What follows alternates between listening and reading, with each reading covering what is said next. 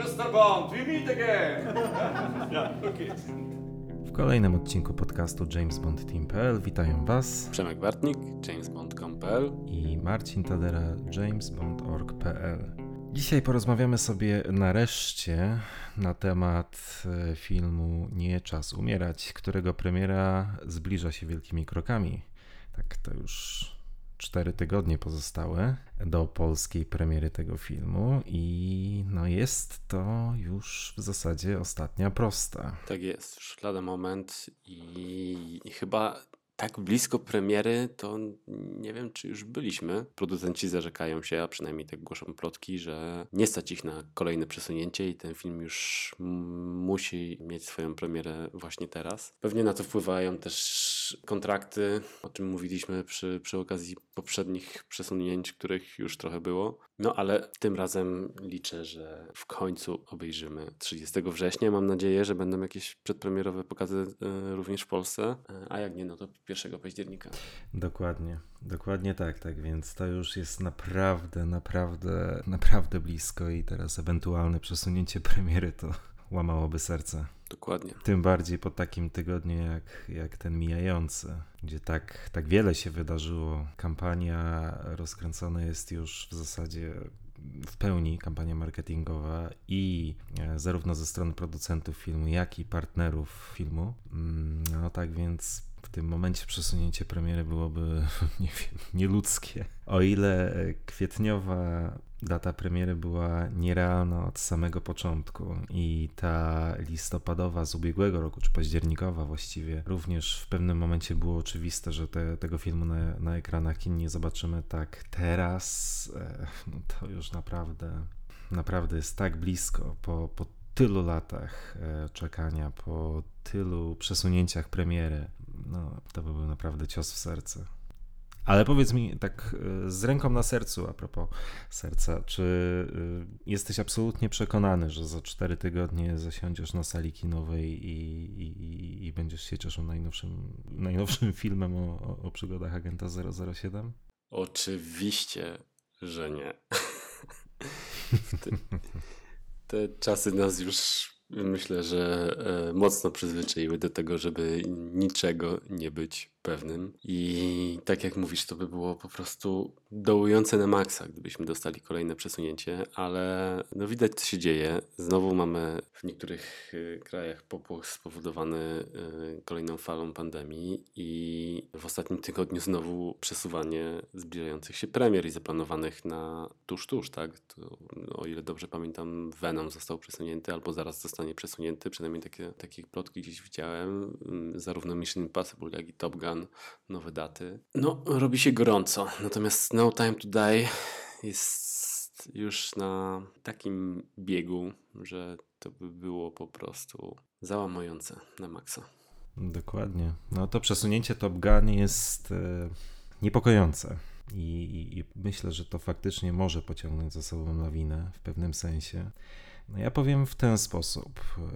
E, rok temu serce wierzyło, że rzeczywiście w październiku e, zobaczymy ten film, natomiast rozum podpowiadał, że to nie ma na to najmniejszych szans. E, dzisiaj, zastanawiając się nad tym, przygotowując się do tego podcastu, stwierdziłem, że teraz mam odwrotnie. Teraz rozum podpowiada, że tak, że to, to już jest ten moment, że to jest niemożliwe, żeby tak blisko premiery filmu tak mocno rozkręcać całą tą machinę marketingową, tylko po to, żeby kilka dni później e, premierę przesunąć. Ale serce podpowiada tym razem, że jeszcze jeszcze się wstrzymajmy z entuzjazmem, bo faktycznie, tak jak mówisz, czasy są tak nieprzewidywalne i tak szalone, że w zasadzie no, nie można być chyba absolutnie niczego pewnym I, ja chyba tak naprawdę będę, będę spokojny dopiero siedząc na sali kinowej, jak zgasną światła, jak pojawi się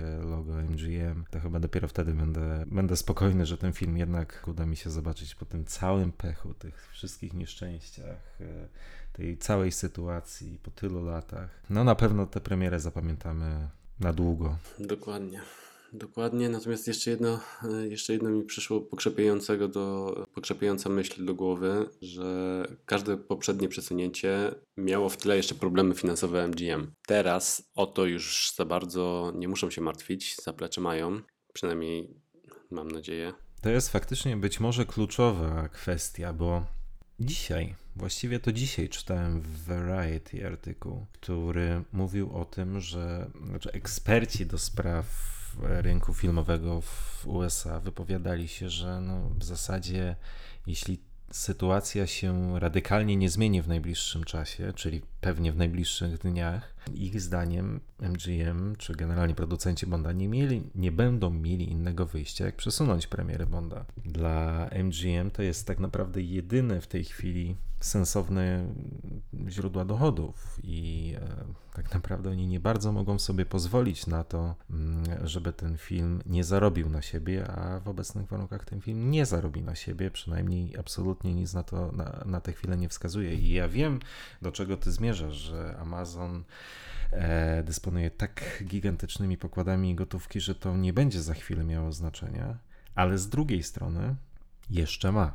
I tak naprawdę, czy i kiedy ta fuzja, e, czy to przejęcie właściwie, bo to, to przejęcie jest, e, czy i kiedy to przejęcie dojdzie do skutku, tak naprawdę nie wiemy. Wpływy w box office są jakie są. To jest jedna rzecz. Natomiast e, przede wszystkim też badania chęci potencjalnych widzów pójścia do kina dramatycznie spadają wraz z rozwojem sytuacji wiadomej. Tak więc e, ludzie po prostu coraz mniej deklarują chęć pójścia do kina. I to tak dosyć znacząco. Natomiast no, co do Amazona, no okej, okay, Amazon rzeczywiście jest y, niesamowicie bogatą firmą i, i e, wszystko byłoby fajnie, pięknie, gdyby nie to, że ta transakcja jeszcze nie doszła do skutku. Ona najpierw musi zostać, najpierw na nią wyrazić zgodę muszą amerykańskie e, urzędy antymonopolowe. A czy to się wydarzy za miesiąc, czy to się wydarzy za trzy miesiące, czy za rok, y, tego nie wiadomo. Na MGM ma przecież udziałowców, ma długi do spłacenia zapewne, również te, które zaciągał, żeby wyprodukować Nie czas umierać. Tak więc ta sytuacja nie jest wbrew pozorom taka jasna, klarowna i oczywista. No tak czy siak wydaje się, że e, te ostatnie dni czy ostatnie tygodnie, no, producenci wy, wydają się być pewni, tak przynajmniej wszystko na to wskazuje, że wydają się być pewni, że to jest ten czas i to jest to miejsce, że przekalkulowali sobie potencjalne e, zyski czy straty, no i chyba po, musieli pogodzić się z faktem, że ten film raczej na siebie nie zarobi, a przynajmniej na tę chwilę niewiele wskazuje na to, że będą w stanie wyjść na, na plus. Najwyraźniej się z tym pogodzili, skoro, skoro dalej ta kampania promocyjna e, nabiera tempa właściwie z każdym dniem. No zobaczymy. Dzisiaj jest, dzisiaj jest piątek, 3 e, września, e, ale przede wszystkim dzisiaj jest piątek. Powiem tak, jeśli mieliby rzeczywiście ten film, mm, datę premiery znowu przesunąć, to myślę, że właśnie dziś.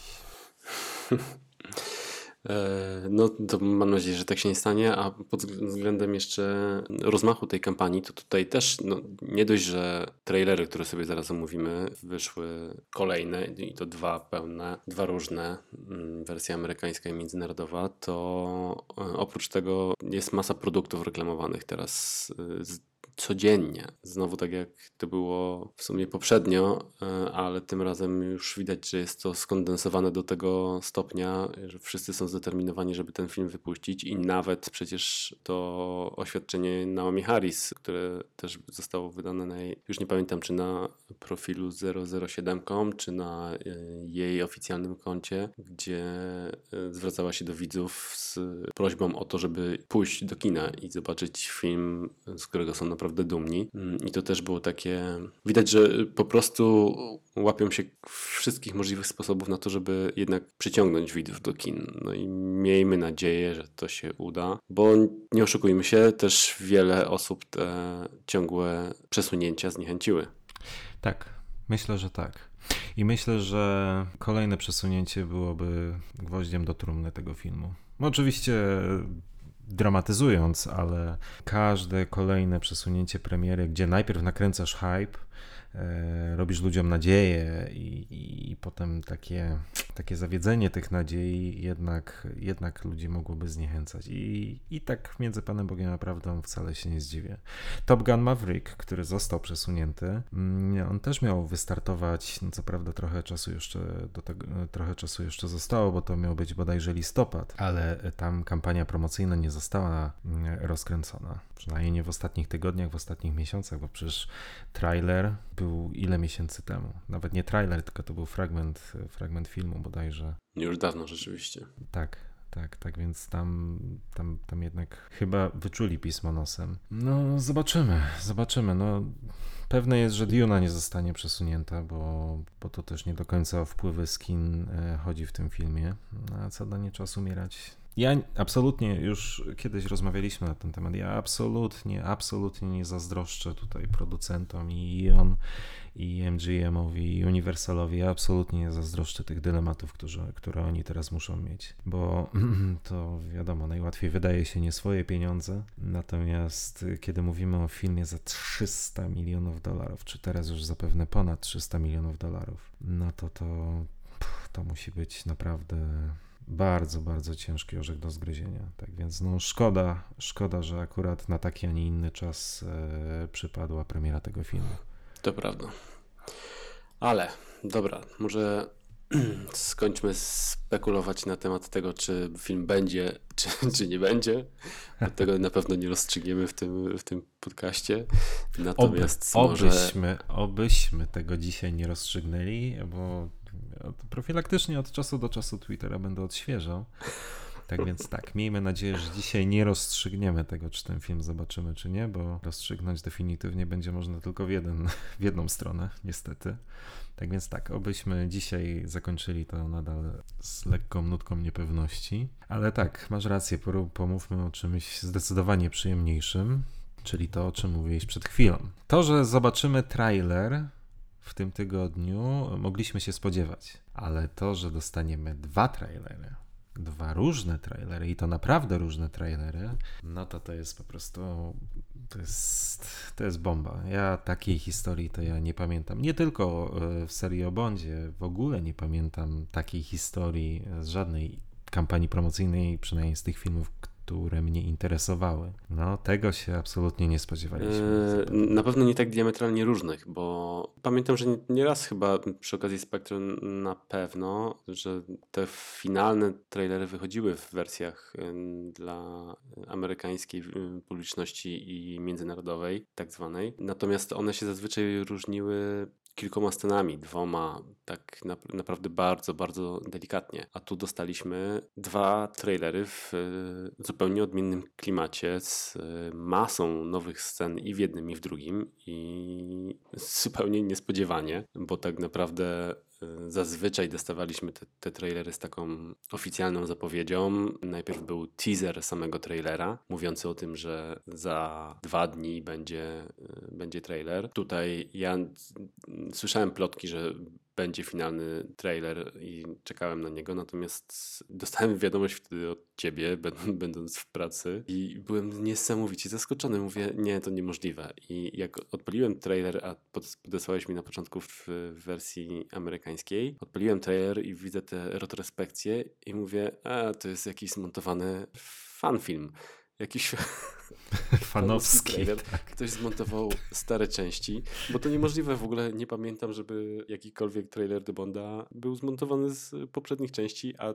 fanowskich wersji takich widziałem już multum. Więc zobaczyłem to i mówię, o, ktoś zrobił sobie taką fan wersję i Marcin podesłał. A za chwilę kończą się te retrospekcje, zaczynają się sceny z No Time to Die i, szczenę zbierałem z podłogi.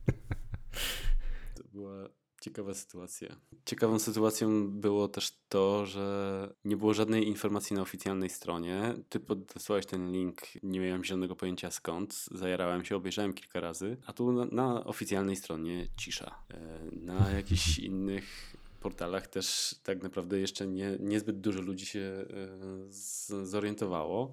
No i Puściliśmy newsy na, na stronie, zajarani, a tu po, po jakichś 10 minutach informacje, no ale już tego trailera pod linkiem nie ma. Tak. Też ktoś popełnił chyba, albo był znowu jakiś fal start. Chyba wszystko na to, na to wychodzi. Mhm. Tak, z tego wszystkiego o tym też e, pisaliśmy, tak, że nawet żaden z nas nie zwrócił uwagi, co to był za kanał, który udostępnił ten, ten trailer. Dokładnie. No ale trailer ile trwało? Dwie godziny, trzy godziny dostaliśmy i ten trailer. Chwilę później dostaliśmy trailer w wersji międzynarodową.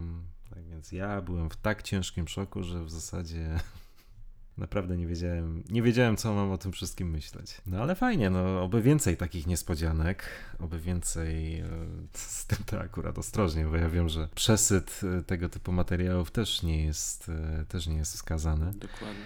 No ale, ale to było takie miłe zaskoczenie, to było, no, to był na pewno bardzo, bardzo emocjonujący dzień. Tak, tym bardziej, że w ogóle to jakoś tego samego dnia, e, kilka godzin wcześniej, wyszedł oficjalny klip telewizyjny z e, wykorzystanymi, e, wykorzystanymi scenami już wcześniej, ale no, naprawdę nic nie zapowiadało, że tego dnia zobaczymy mm, dwa, dwa trailery. Jeden to był klip, później była chyba jakaś też informacja albo o Astonie, albo o Land Roverze, już nie pamiętam. E, I za chwilę te, te Mhm. trailery, które były też mocnym, mocnym szokiem. I cieszę się, że ty byłeś jeszcze na, na urlopie. Ja akurat po pierwsze jeszcze w pracy, po drugie później po pracy na y, jakimś obiedzie z, z rodziną i tylko dostawałem cały czas SMS-y od ciebie i już nie mogłem się doczekać i po tajniacku gdzieś mów, mówiłem, że muszę na chwilę wyjść po to, żeby odpalić trailer. No ale było warto, było warto. No dobra, to pytanie za 100 punktów. E, Który trailer zrobił na tobie większe wrażenie? Na mnie zdecydowanie. Albo który jest lepszy, może tak z punktu widzenia, nie wiem, e, wytworu, jakim jest trailer, produktu, jakim jest trailer. Który produkt jest lepszy, międzynarodowy czy amerykański? Właśnie y, na, w sieci można przeczytać zgoła odmienne opinie, natomiast mnie totalnie zachwyciła wersja amerykańska. I mimo tego, że mm, nie przepadam za takimi re- retrospekcjami i zazwyczaj właśnie kojarzę z jakimiś trailerami zmontowanymi przez fanów te, tego, typu, tego typu rzeczy, Mhm.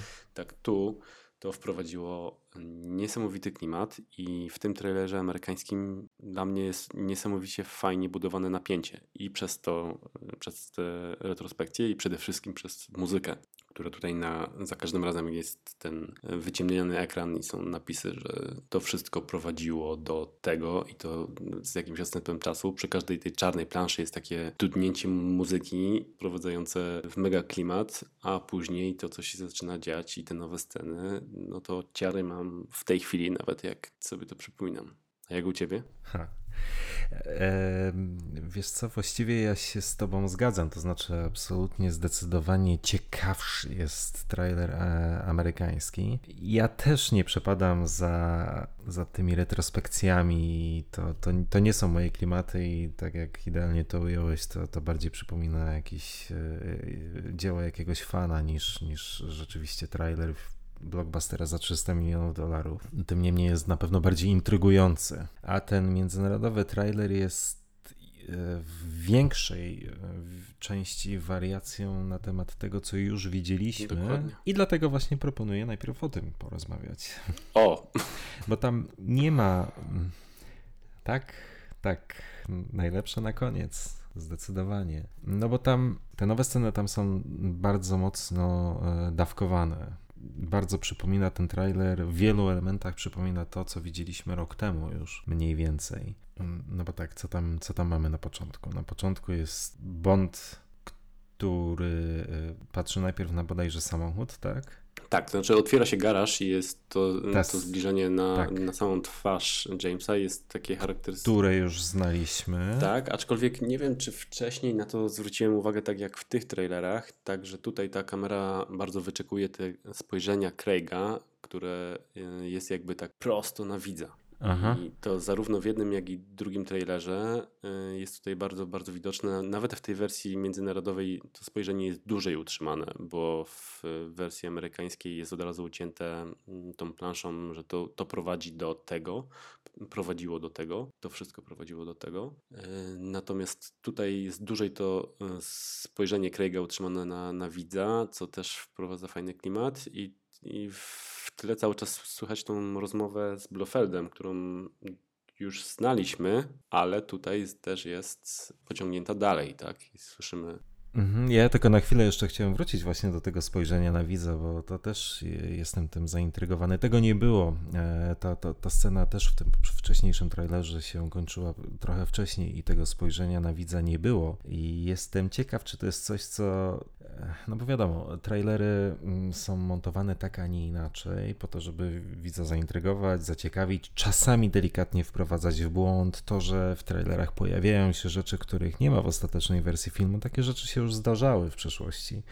Zastanawiam się, czy to spojrzenie w stronę widza będzie w ostatecznej wersji filmu, czy to jednak jest tak bardziej na potrzeby trailera, ta scena tak wydłużona, no bo to by oznaczało w zasadzie no co, przełamywanie czwartej ściany. To się, to się bardzo rzadko zdarza, czy prawie nigdy się to nie zdarza w filmach o, o Bondzie. Prawie, dokładnie. Ale no E, ale nie, nie, tu, tu sądzę, że hmm, nie wiem, rzeczywiście jest, jest to zastanawiające i jeśli takie spojrzenie będzie, to hmm, sądzę, że będzie jakoś ładnie zmontowane z kolejnym cięciem na, yy, na zasłoniętego Astona Martina. Pewnie jakoś, jakoś to się ładnie zgra. Natomiast faktycznie jest to zastanawiające, tym bardziej, że tutaj tak no, wyraźnie patrzy na nas, podtrzymując napięcie trailera.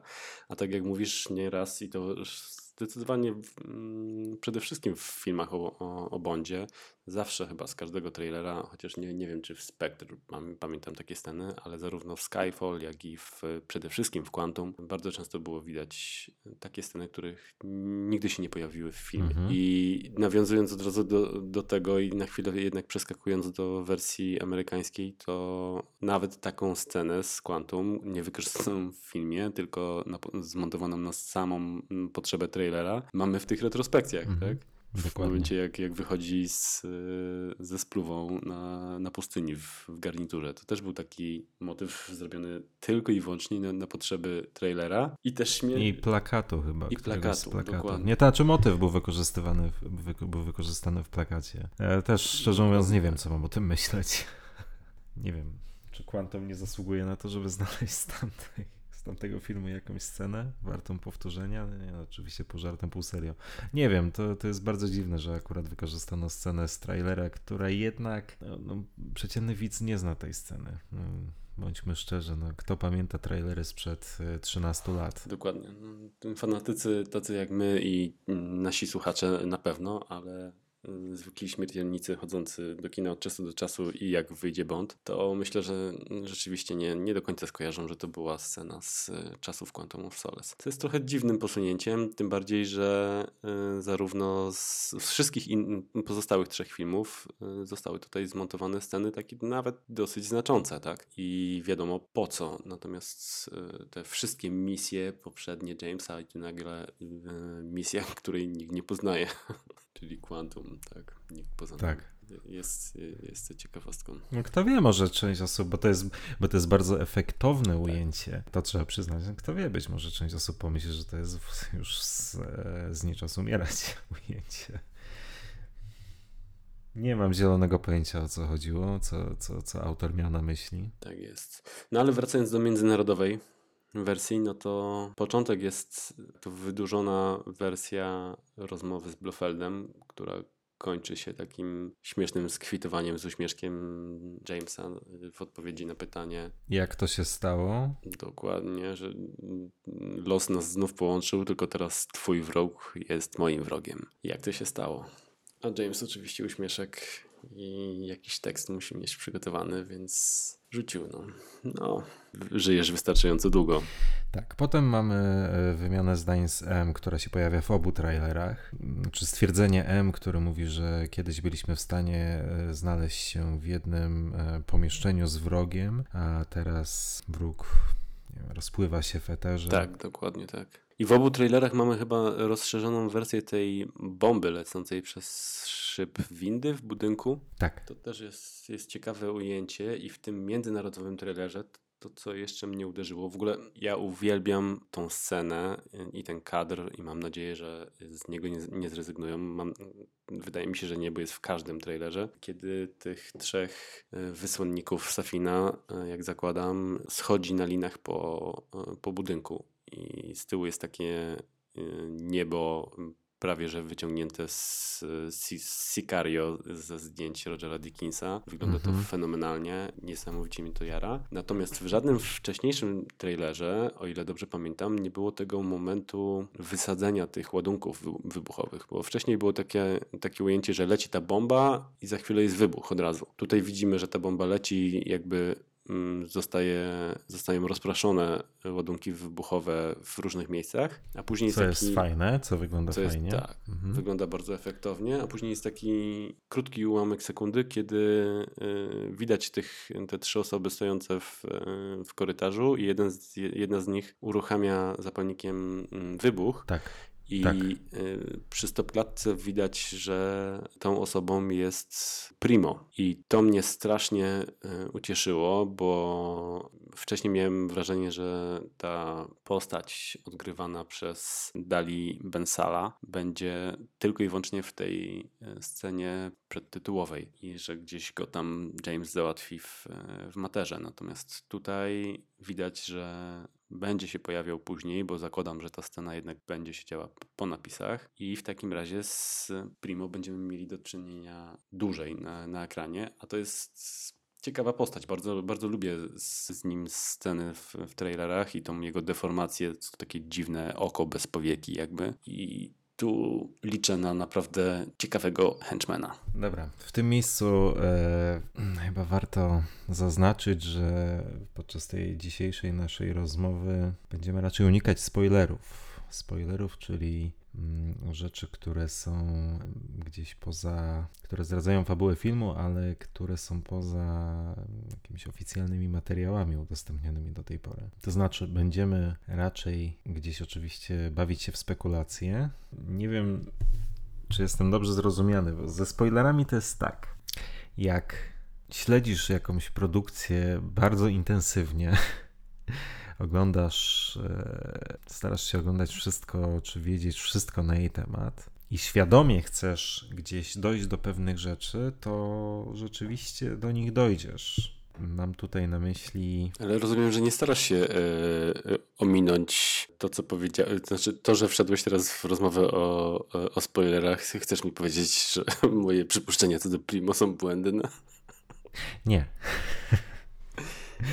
A nawet, a nawet gdybym chciał, to nie dam ci tego odczuć. Nie, nie, nie, po prostu no teraz faktycznie gdzieś już zaczyna, wiesz, gdzieś dyskusja zeszła na temat tego, że on przeżyje ten e, powiedzmy dłużej, krócej i tak dalej, i tak dalej. Tak więc w tym miejscu pewnie warto e, słuchaczy zapewnić, że e, owszem, będziemy w tym dzisiejszym podcaście dużo spekulować, natomiast będziemy starali się unikać spoilerów na tyle, na ile to jest przynajmniej możliwe, a nie wiem do końca, jak to zrobić.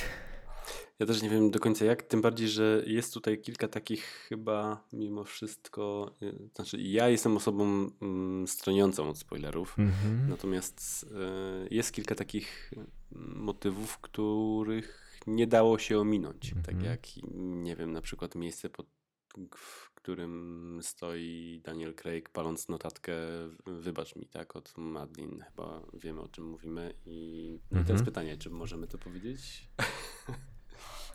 w eterze, gdzie stoi, chyba już wszyscy wiedzą, nie? Nie byłem wcale taki pewien. Czy to nie byłem taki pewien. E, tak, no tutaj rzeczywiście wykładając karty na stół, ja być może troszeczkę więcej wiem o tym filmie. Z... No to jakoś to ominiemy. Być może troszeczkę więcej wiem o tym filmie z racji tego, że ja e, aż tak e, dalece od spoilerów nie, nie, nie, nie stronię. Tak więc być może rzeczywiście gdzieś tam mm, obiło mi się o uszy rzeczy, które ty świadomie, e, świadomie decydujesz się pominąć, żeby pomijać, żeby, żeby nie psuć sobie przyjemności.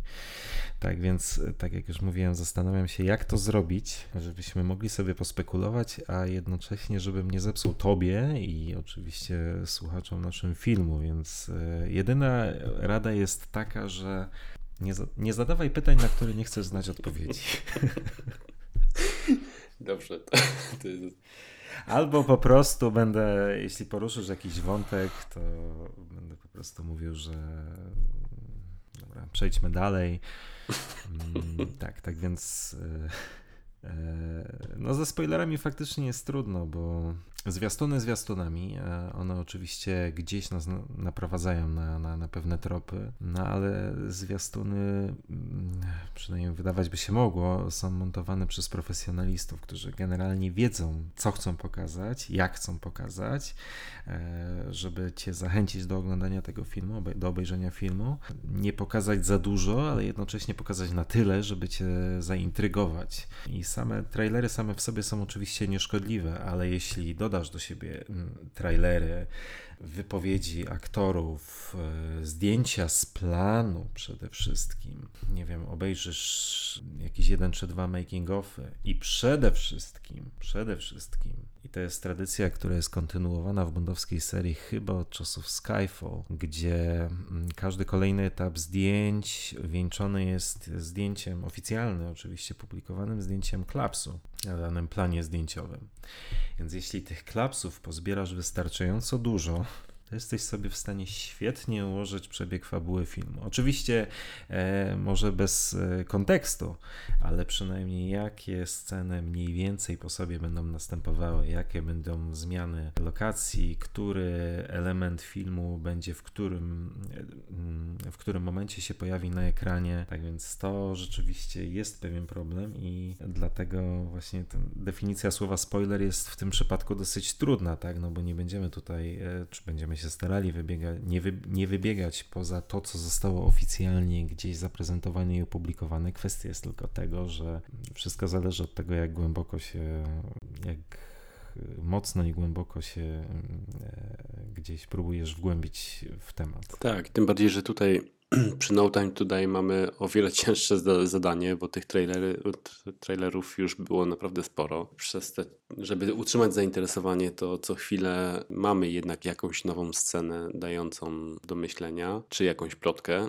No i to rzeczywiście staje się coraz trudniejsze, tym bardziej, że już powstały taki, wracając do fanowskich e, trailerów, coś co ty też chyba kiedyś udostępniałeś u siebie, w końcu się zmusiłem i obejrzałem to. Ponad 10-minutowy trailer zmontowany z wszystkich scen z planu i trailerów, ułożonych chronologicznie e, scenę po scenie, jak będzie e, to wyglądało w filmie według wszystkich znanych plotek. I to rzeczywiście już zakrawało taki mocny, porządny skrót filmu. Jeszcze dodając te wszystkie sceny z e, najnowszego tra trailera, to wyjdzie pewnie z 12 minut i to, to już jest taką, takim filmem w pigułce. Ale i tak i tak jest absolutnym mistrzostwem świata, że film, który jest skończony od, e, od półtora roku. Półtora roku już spokojnie. Mhm.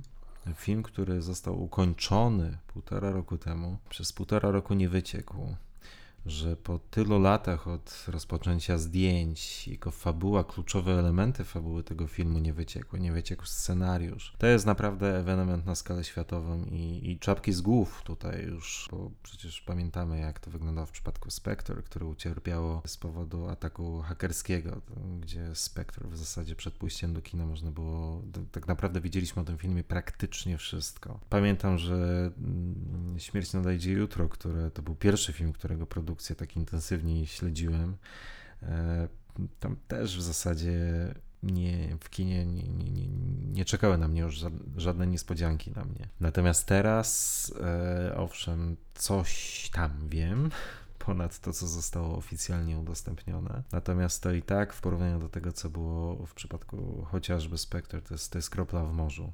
Chociaż istotna kropla. Mhm, dokładnie. Dobrze.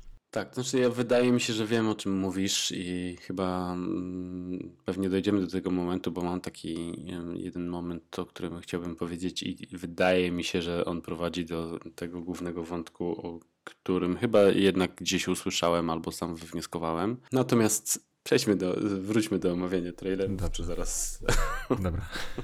trafimy pewnie na, na ten moment. Okej, teraz mamy wymianę zdań. Wersja międzynarodowa jeszcze. Tak, tak, tak, bo teraz mamy wymianę zdań e, z Moneypenny i jej chyba nie ma w wersji e, tej amerykańskiej, czyli e, Moneypenny zadaje pytanie, czy ona jest jedną z nich, a Bond odpowiada, e, w ogóle Tak. jej nie znam. No, nie trudno się domyślić oczywiście o kim mowa, ale to, co ciekawe, to się nie pojawia akurat. Przynajmniej nie przypominam sobie, żeby to się pojawiało w tym trailerze e, amerykańskim. Potem już jest e, właściwie zlepek też raczej scen, które znamy z wcześniejszych materiałów. Tak, czasami z innych ujęć. Części. Tak, tak, tak, tak. Czasami dłuższe. Nadal nie wiemy, co jest w tych przeklętych zbiornikach u Safina. Tak, w międzynarodowej teraz- wersji też je widać, prawda? I tam jest Tak. e, te, e, Mhm. też chyba. Na pewno potem jest też nowa kwestia Q, która się nie pojawia w tej wersji amerykańskiej, czyli czy mogę choć spędzić choć jeden miły wieczór, zanim cały świat wybuchnie. Tak, to już jest na sam koniec i to jest e, no, Tak. fajna scena i fajnie połączona też i zmontowana z tą eksplozją, którą powoduje Bond później i wyrzuca ten zapalnik w To jest takim samym stylu, jak wyrzuca kluczyki w Casino Royale. Mm, dokładnie. I, I ta scena z Q jest też fajnym, humorystycznym e, zapewnieniem, że czeka nas też coś, co, co dobrze znamy. I dodatkowo, zupełną nowością, jesteśmy w mieszkaniu Q i w końcu zobaczymy, a przynajmniej, nie wiem czy zobaczymy jego koty, ale na pewno widać jego domek dla, dla kota za nim. Taki wiklinowy na, na, na jakimś krzeseł, krzesełku, Mhm. a już Spectre bał się o, o życie swoich kotów, jeżeli powtarzał, że, że ma je na utrzymaniu. I tutaj się śmiałem, że w końcu y, będzie to widoczne i strzelam, że James może jeszcze jakoś na tych kotach się odgryźć. No ja strzelam, że Bond nie będzie jedyną osobą, która się pojawi u Q. Tak, no to już znaczy to widać e, w kontekście, jeżeli mówisz o Moneypenny, chyba, że mówisz o kimś innym jeszcze. Nie no, nie jest, no bo e, drzwi wejściowe do mieszkania Q są takim dziwnym szkłem pokryte, tak? Półprzezroczystym. I czy w którymś z trailerów nie ma takiej sceny, że za tym, za tą szybą widać jednak człowieka w białej masce? Wow. Ale to, a, to już wiem o czym mówisz, ale to w takim razie zupełnie nie zwróciłem uwagi, bo ja byłem pewien, że tą maskę e, za szklanymi drzwiami jednak widzimy w Norwegii, w domu Madlin, bo tam chyba ta maska jeszcze nie jest pęknięta. No ale pytanie, czy ma tylko jedną?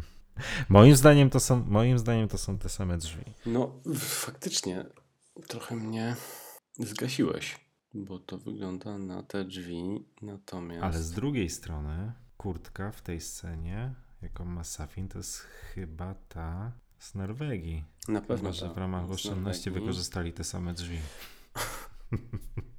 to nie ma. Kuźwa, to nie ma sensu, nie? No nie ma, no bo co by Safin robił w takiej kurtce w Londynie, nie? I z, widać, że ma też na ramieniu pasek od tego karabinu. Mhm. Mhm, mhm. Ale drzwi są kurde te same. No to tutaj widać, że nie ma Petera Lamonta.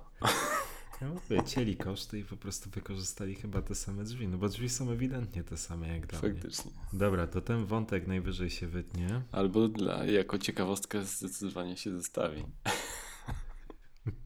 Tak. 45 minut rozwiązywaliśmy zagadkę drzwi. Ale Postaram, bywają gorsze rzeczy. postaram się z tego e, coś skleić. W każdym razie bardzo, cie, bardzo ciekawe to jest i zwrócę na to uwagę już w tej chwili stuprocentowo w filmie. Jeżeli to będzie film za 300 milionów dolarów, w którym użyli te same drzwi w dwóch różnych scenach, w dwóch różnych, dwóch różnych domach, to będzie to najgłupsza oszczędność, jaką widziałem w życiu. Dokładnie tak. No dobrze, czyli przechodzimy do tej e, najbardziej intrygującej części mm, wtorkowego dnia, czyli udostępnienia trailera na rynek e, amerykański, który już rozpoczyna się, tak jak już wcześniej wspominaliśmy, wygląda jak, jak, jak trailer fanowski. Nie wiem, czy przypadkiem ten trailer nie otwiera dokładnie ta sama sekwencja, co trailer do Casino Royale. Mhm, jak wychodzi z samolotu, tak? Mhm. Tak więc to jest taka pewnie ciekawa, nie wiem, klamra, która spina całą, całą tę historię, opowieść. E, no i mamy zlepek oczywiście poprzednich filmów, jak już też wspominaliśmy, Quantum of Solace zostało poszkodowane, ponieważ nie wykorzystano żadnego ujęcia faktycznie z e, Quantum of Solace, tylko z trailera do Quantum of Solace, co nie wiem jak odbierać i interpretować.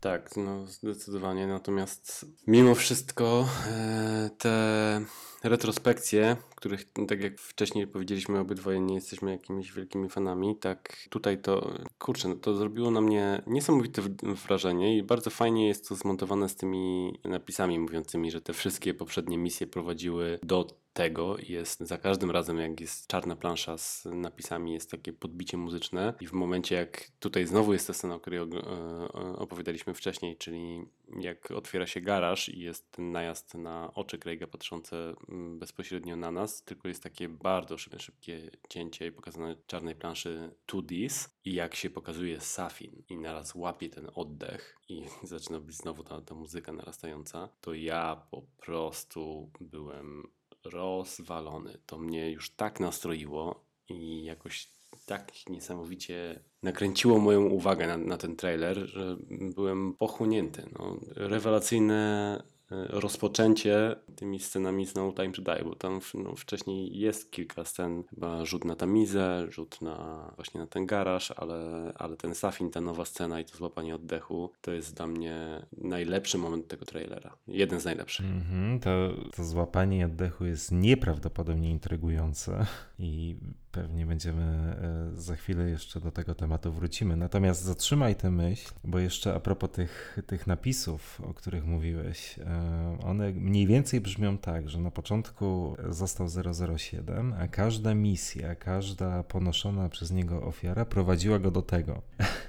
I jakiego by to słowa użyć? Znając historię ery Daniela Craiga, no wiemy, że to jest oczywiście brednia, tak? Rozmawialiśmy o tym przy okazji e, Spectre. Oczywiście, że cała historia, która jest przedstawiana w filmach Daniela Craiga, tak naprawdę nie była od początku pomyślana mm, w ten sposób. To to jest takie dosyć zabawne dorabianie, dorabianie historii do tego, co się, co, co się wydarzyło, co się udało, co się nie udało, no bo dobrze wiemy, że to tak nie tak miało wyglądać. Skyfall miał być oddzielnym filmem, który nie kontynuował wątków z Casino Royale i z Quantum of Solace. E, potem to sztucznie wszystko zlepiono na, na taśmę klejącą, czego ma do rzucia Spectre i teraz znając historię ery Daniela Craiga, no to, to trochę ten, ten, ten, ten slogan, który jest w trailerze, wygląda, brzmi nieco, nie wiem, komicznie. No, ale rozumiem trailer. Trochę tak. natomiast ja cały, bo teraz, teraz mnie nastroiłeś negatywnie do tego ale to, pomysłu. To ostatni raz. Bo ja ostatni raz. Obiecuję. Oby, albo inaczej, e, oby twórcy tymi sloganami tak naprawdę nie chcieli nam przekazać, że za chwilę w No Time to Die dostaniemy znowu jakieś szycie grubymi nićmi wątków z poprzednich filmów, tylko ja mam nadzieję, że to się tyczy tylko i wyłącznie po prostu takiego hasła marketingowego trailerów, że poprzednie filmy prowadziły do tej konkluzji, którą zobaczymy tutaj, ale broń Boże nie łączącą dziwnie wątków z poprzednich filmów. Nie, no jasne, oczywiście, że tak, to jest, to jest fajny slogan marketingowy, ale tak naprawdę ten napis po prawdzie powinien wyglądać trochę inaczej, tak, czyli po tym jak zrobiliśmy świetne Casino Royale i kiepsko przyjęte Quantum of Solace, zdecydowaliśmy się pójść w zupełnie innym kierunku w Skyfall, ale kiedy nagle odzyskaliśmy prawo do postaci Bluefelda i do organizacji Spectre, rzuciliśmy się na nie jak, nie wiem, nie będę już tutaj szukał analogii, po to, żeby wszystko zmieścić w Spectre i mieliśmy nadzieję, że zostanie to przyjęte z wielkim entuzjazmem. No ale cóż, okazało się jak się okazało i teraz wszystko to, co się wydarzyło, prowadzi do tego. No okej. Okay. Proszę Państwa, to było najbardziej krytyczne 45 sekund ery Daniela Craiga w wykonaniu Marcina Todery. ale, ale tak, to, to, to ostatni raz chyba ostatni raz narzekam na ten, na ten trailer, bo mm, masz rację. Ujęcie Safina, który leży na śniegu i, i tak gwałtownie zaczerpuje powietrze, no, co może oznaczać? Tak, bo to jest też scena, poza tym, że jest fantastycznie wprowadzająca klimat i powodująca gęsią skórkę, to daje dużo do myślenia, bo teraz tak, wcześniej wydawało mi się w poprzednich trailerach, że w momencie, kiedy on strzela przez lód do, do kogoś, kto jest y, uwięziony pod, pod wodą, mm, że Safin jest ranny. No, ewidentnie jest ranny, tak. Zresztą to w tym trailerze widać. On ma ranę postrzałową w miejscu, w którym generalnie powinno się znajdować serce, mniej więcej. Tak więc, co to może oznaczać? To tylko kolejne obawy, bo e, ja też zapisałem sobie w notatkach, żeby e, na jedno zwrócić uwagę, że skoro on tu już ma zabliźnioną twarz i wygląda tak naprawdę teoretycznie tak samo mhm. jak, jak w przyszłości, bo wiemy, że to jest scena rozgrywając, rozgrywająca się jakieś, nie wiem, nie wiem, czy już gdzieś padła konkretna data, nie. chyba tak, bo nawet w tym, w tym trailerze, w tym trailerze montowanym przez fana, to wydaje mi się, że tam się to zaczyna od daty 1991. A to tego, nie, nie, tego kompletnie nie pamiętam. tak mi się wydaje, nie jestem pewien, ale tak mi się wydaje. Natomiast no, na oko, patrząc po Madeline, też trzeba powiedzieć, że to jest minimum 20 lat wstecz. Jak tak? nie więcej. I mhm. moim zdaniem ja w 20 lat temu wyglądałem zupełnie inaczej niż teraz. I mhm. zaczynam się zastanawiać, czy ten wygląd Safina tutaj, no co prawda ukryty pod maską, ale czy to nie jest jakieś potwierdzenie, że on te 20 lat później wygląda tak samo i czy to nie jest rzeczywiście jakieś potwierdzenie tej teorii, nie wiem, klonów, czegokolwiek. Aż się boję, boję myśleć. Jeśli chodzi o tę ranę postrzałową, w miejscu, w którym powinien mieć serce, powiem tak, no hmm, oczywiście po inter w internecie bardzo popularna jest teoria, zgodnie z którą Safin okaże się być doktorem No. Też już pewnie parę razy na ten temat nie dyskutowaliśmy. Mhm. Ja osobiście nie sądzę, żeby to było tego typu oczywiste nawiązanie, to znaczy, żeby on faktycznie został w pewnym momencie przedstawiony jako doktor No w ten czy inny sposób. To są raczej pewnie będą takie smaczki, tak, do wyłapania dla, dla fanów. W tym konkretnym przypadku książ powieściowy Doktor No e, miał serce z prawej strony. Więc myślę, że akurat ta rana postrzałowa, która wydawać by się mogło, że go e, zabije, a jednak go nie zabiła, to jest właśnie takie mruganie okiem do czytelników Fleminga, a, a nie takie realne, e, realna sugestia, że to, to będzie, czy jest faktycznie doktor No, przynajmniej taką mam nadzieję. Ale z drugiej strony jest coś w tym, o czym ty mówisz, że on w retrospekcji, która się rozgrywa pewnie gdzieś 20 lat wstecz, pomimo tego, że ma e, maskę, no wygląda dość podobnie do, do tych scen, e, które się rozgrywają już jakby w czasie rzeczywistym e, akcji mhm. filmu. Ale I... aczkolwiek tutaj te, też przepraszam, e, też bardzo się często tak zdarza w filmach, że jednak to e, ten przeskok między latami nie jest aż tak widoczny po, po aktorach i okej, okay, tu wydaje mi się, że to może być naciągane. Natomiast to, co ty powiedziałeś o, o tej ranie postrzałowej, na którą ja w ogóle nie zwróciłem wcześniej uwagi i faktycznie o powieściowym doktorze, no, który e, miał serce z drugiej strony, to jest myślę, że kolejne potwierdzenie i Moim zdaniem ta seria nie jest znana z subtelnych nawiązań i tam zawsze jest grubym, grubym kalibrem rzucanie jakichś nawiązań i ja myślę, że tu jednak pojawi się chyba gdzieś ta, to hasło do doktora nauk. Znaczy mi się właśnie wydaje, że to będzie bardziej takie, ja przynajmniej liczę na to, że to będzie jednak trochę, trochę bardziej subtelne, czyli coś ala Gustav Graves, który miał tak naprawdę bardzo dużo wspólnego z powieściowym Hugo Draxem, ale faktycznie bez znajomości mu, powieściowego Moonrakera ciężko byłoby to wyłapać. I liczę na to, że tutaj będzie podobnie, chociaż oczywiście e, tych, tych tropów gdzieś jest więcej, no z tą scenografią w zasadzie już niemalże ikoniczną, e, świetlikiem w suficie, który jest tak. powtórzony z, e, z Doktora No, no to, to, to, to jest takie najbardziej oczywiste skojarzenie, ale liczę na to, że to będzie raczej takie mruganie okiem do fanów, niż rzeczywiście scena w stylu jak w Spectre. Naprawdę nazywam się tam Stavro Blofeld Mhm, mhm. Ja już wyczytuję po tobie, że jeżeli okaże się inaczej, to będziesz mocno zawiedziony. Nie, tak. Nie wiem.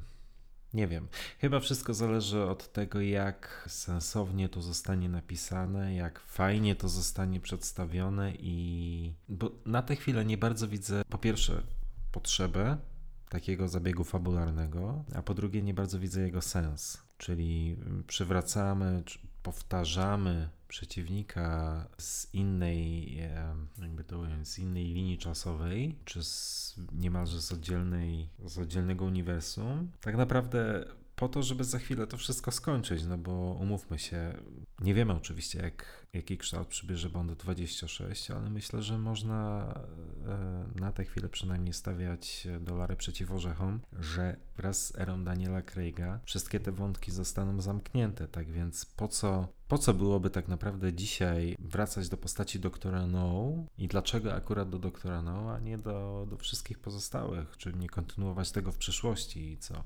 Chcielibyśmy zobaczyć nowego Goldfingera, nowego Hugo Draxa, nowego Maxa Zorina. Mm, po co?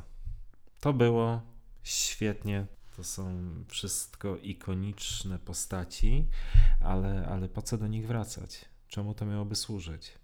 skoro nie chcemy tego kontynuować. Natomiast no nie wykluczam, że oczywiście to, gdyby tak się miało stać, że to zostanie e, bardzo fajnie napisane i wy, nie wiem, będzie to coś na zasadzie, patrzcie, historia zatacza e, koło. Może to jakieś takie bardzo, albo nawet, nie wiem, bardzo, nie bardzo, to rzeczywiście kwestia preferencji, e, wprowadzenie jakiegoś miękkiego rebootu w przyszłości, czy nie wiem, nie wiem, nie mam zielonego pojęcia, ale ja osobiście na tej chwili po prostu nie widzę takiej potrzeby i nie czuję takiej potrzeby. Mm -hmm, Ale faktem jest, że to, że Safin w tej scenie, bo wracamy jeszcze do tej sceny, kiedy Safin leży na, na śniegu i, i tak gwałtownie zaczerpuje powietrze. Ta scena może oznaczać e, wszystko i może nie oznaczać nic tak naprawdę. To może być takie sprytne cięcie montażowe osób, które, które montowały trailer, typowo wprowadzające w błąd, czy dające do myślenia, zwodzące widza na, na manowce. No bo jeśli nie, no to, to cóż nam pozostaje. Mnie bardzo intryguje e, w kontekście tej konkretnej sceny, mnie bardzo intryguje trochę wybiegając do przodu. We wcześniejszych materiałach promocyjnych mieliśmy, słyszeliśmy monolog Safina, który mówi o tym, że kiedy twoje, zwracając się do Bonda, kiedy twoje e, umiejętności umrą wraz z twoim ciałem, moje będą trwały długo po tym, jak, jak mnie już nie będzie, jak umrę. W tym trailerze ten monolog również się pojawia, ale tej drugiej jego części nie ma.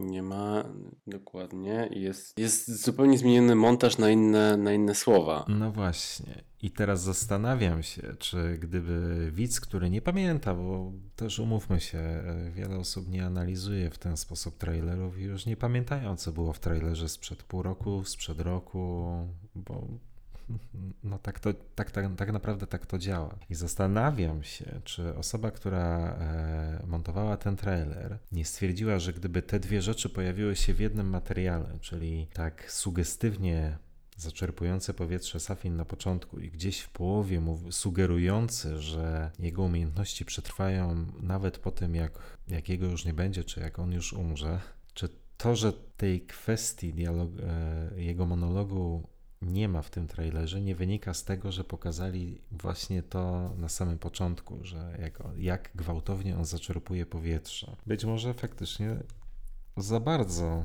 jak to się mówi, aż przesadzam z tymi analizami i zbyt daleko idące wnioski wyciągam, ale to jest coś, co mi się rzuciło w oczy akurat już przy, przy bodajże pierwszym e, oglądaniu. Dlaczego nie ma tej kwestii mhm, dialogowej? -hmm. No, masz rację.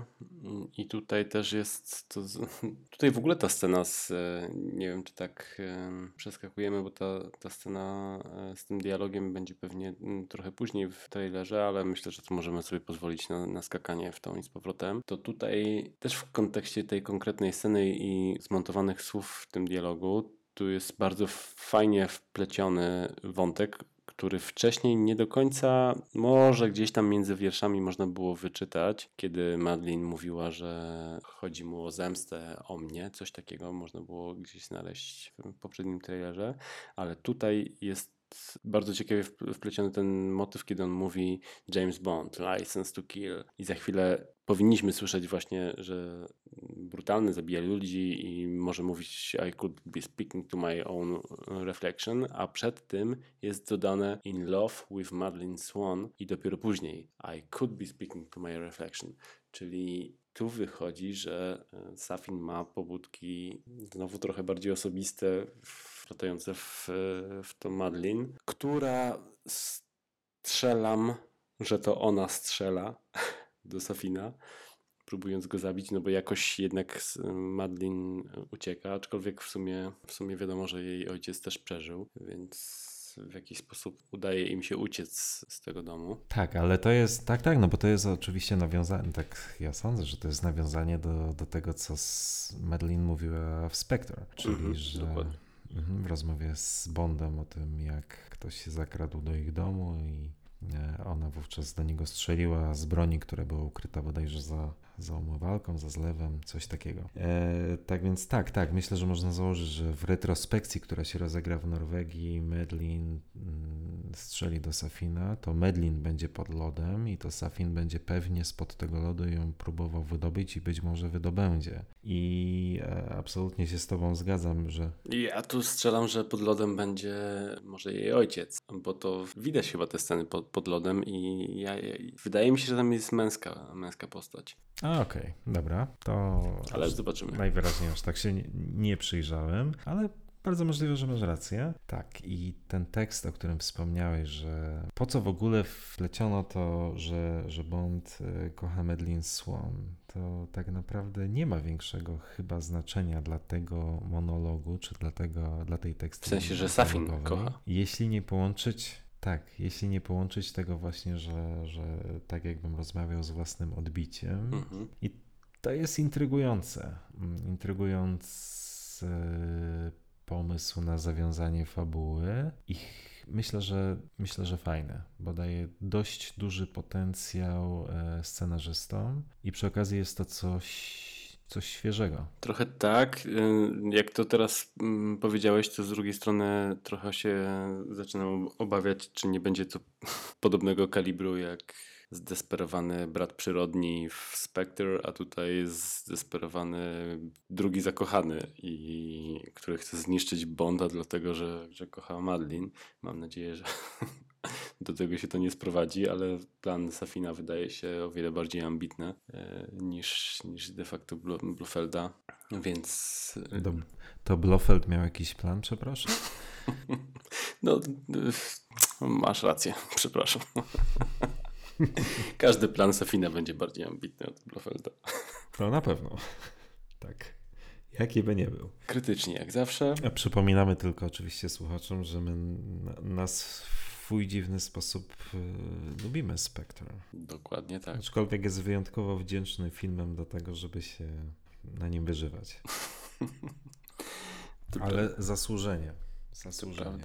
E, natomiast jeszcze jak już przyszliśmy do tej scenę z monologiem Safina, to tutaj też jest e, w tej wersji amerykańskiej bardzo zmieniona końcówka, bo gdzie w poprzednich wersjach kończyło się to tym, że twoje umiejętności umrą z tobą, a moje e, zostaną długo po, po mojej śmierci i później jest takie, że taki tekst że chciałbym, żeby świat był bardziej uporządkowany, czy coś takiego. Tak, w tej wersji trailera jest zupełnie inna końcówka i tutaj jest zakończenie, że and life is all about leaving something behind, isn't it? To też jest bardzo znaczące i dające do, do myślenia w kontekście spekulacji, bo jeszcze to leave something behind Powiedzmy, że w kontekście Safina możemy tutaj spekulować, że może to jest właśnie i, i tego tekstu y, o umiejętnościach y, zostających po śmierci można y, spekulować w kontekście klonów albo jakichś tam doświadczeń. Natomiast to isn't, isn't it, it, Do, do niego. Jest takie bardzo mocno już nawiązujące do tego spoilera chyba którego wydawało mi się. Ja, ja w pewnym momencie w, myślę, że sam na to wpadłem, bo chyba nie czytałem o tym nigdzie, ale to tak trochę tutaj brzmi, najwyżej to później wytnę, albo zrobię takie pip. Jakby to Isn't It chodziło też o pip. Jamesa Bonda? Pip. Ale y, ty pytasz, y, rzucasz mhm. Peter, czy pytasz, bo chcesz wiedzieć? A nie. To znaczy tak. Bo nie wiem, jak mam zareagować. To zależy. Bo jeżeli chcesz powiedzieć, że chcesz, że wiesz coś więcej niż to, że spekuluje się, że tutaj będzie wpleciony temat pip, pip, pip, pip. i Jamesa, to, to nie chcę, żebyś odpowiadał. A jeżeli tylko to, że wiemy, że pojawi się tam taki motyw, to możemy gadać dalej, a jak nie, to zmienimy temat. Poczekaj, jeszcze raz, jeszcze raz. Jak brzmi ta alternatywa, bo się pogubiłem. Czyli ja strzelam, że mm, tutaj w fabule y, faktycznie pojawi się temat pip, pip, pip, pip, pip. Nie wiem tylko, czy to, bo nie czytałem nigdy tego spoilera, jeżeli to jest spoiler, jeżeli to faktycznie było tematem spoilera, nie wiem, czy pip. faktycznie się pojawiło, czy odbędzie, czy to była jakaś, że nie wiem. Pip, coś się zdarzyło, coś w tym temacie. dalej nie wiem, wiem tylko, że znaczy strzelam, że pojawi się tam temat. Pip, pip. I teraz y, jest ten niezręczny moment, że alternatywę skonstruowałeś w ten sposób, że jeśli nic nie powiem, to dojdziesz do jakichś wniosków. Bez względu na to, czy coś powiem, y, czy czegoś nie powiem, to sobie coś w głowie poukładasz, ponieważ tak mi zadałeś, taką mi dałeś alternatywę. Ja ci na początku tego podcastu ostrzegałem, że uważaj na, znaczy nie zadawaj pytań, na które nie chcesz znać odpowiedzi i odnoszę wrażenie, że to jest jedna z tych rzeczy, na które nie chcesz znać odpowiedzi. Więc powiem ci tak, znam odpowiedź na twoje pytanie i ci jej nie powiem, ale nie powiem ci dlatego, Niekoniecznie dlatego, e, z powodu tego, co powiedziałeś i alternatywę, jaką przede mną postawiłeś. E, tak więc. E, Dobrze, bardzo się cieszę, dziękuję. Ja bardzo lubię się dzielić spoilerami.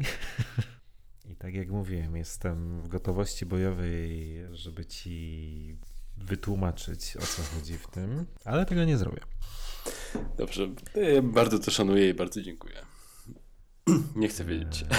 Nie chcesz, pewnie, że chcesz. Pewnie, że chcę, ale próbuję się. Cztery tygodnie. Skoro tyle już wytrzymałem, to myślę, że, że dociągnę. No ale to zawsze ta końcówka jest najtrudniejsza. To prawda. No dobrze, ale to w takim razie, skoro znasz odpowiedź na to pytanie, to szybko zmienimy wątek. No okej. Okay. Odpowiedź może nie być taka oczywista, jakby ci się mogło wydawać. Mhm. Aczkolwiek na... nie można również wykluczyć, że to, co powiedziałem przed chwilą, powiedziałem po to, żeby. żebyś czuł się uspokojony. Dobrze, rozumiem. Żarty na bok. Ja wiem, znaczy myślę, że wiem o co chodzi Safinowi w tym y, stwierdzeniu. Zresztą wątp- możliwości może być tak naprawdę więcej, ponieważ mhm. ty również nie chciałeś znać y, spoilerów ze sceny otwierającej. Więc e, no tu jest cała, wiesz, pajęcza sieć zależności. Myślę, że Może jeszcze, wiesz, jesteśmy w tej chwili, co nagrywamy, jest godzina, o, właśnie wybiła północ. Good luck, Twine. Zaczynam powoli wątpić. Wybiła, wybiła północ. E, minęły dwie godziny, tak więc no jeszcze spokojnie myślę, że z dwie godziny pogadamy o No Time Dodaję. Jak zmienisz zdanie, to, to ja bardzo chętnie. Ale Nie, nie, nie. też już wracając do nagrania. Oczywiście nie można wykluczyć sytuacji, że to jest jeden z przykładów na to, o czym mówiłem wcześniej, że to jest po prostu celowy montaż wyjętych nieco z kontekstu, w jakim się pojawią w ostatecznym filmie e, wypowiedzi, właśnie po to, żeby widza zaintrygować, zaciekawić i, i nieco wyprowadzić na manowce. Tego też nie Mhm. możemy wykluczyć. Na pewno, natomiast z jednej strony ucinając tą scenę, w sensie rozmowę naszą o tej scenie i przechodząc do innej, niby chcę, chciałbym powiedzieć, że dobra, to nie chcę znać tego motywu i, i przejdźmy do innej sceny, ale kolejną scenę, którą chciałem omówić, znowu łączy się z, tak, tak myślę, z tym głównym wątkiem zaskoczenia. I, Mhm. I znowu powrotu do, do, do, do tych samych plotek, o, których mówiliśmy mm, przed chwilą, bo jest taka scena w ostrzeliwanym DB5, którą już znamy z poprzednich trailerów, ale tutaj jest trochę więcej uwagi skupionym na tym, jak Primo podchodzi do, do samochodu i zaczyna e, ostrzeliwać z bliska. Madeline jest przerażona i krzyczy James. Jest zbliżenie na Craiga, który w końcu mówi OK, uruchamia działka i zaczyna rozwalać. Natomiast ten moment, ten mikrosekundy przed powiedzeniem OK i patrzenie na jego, na jego minę daje do zrozumienia, przynajmniej mnie, że on jest czymś tutaj naprawdę masakrycznie zdołowany.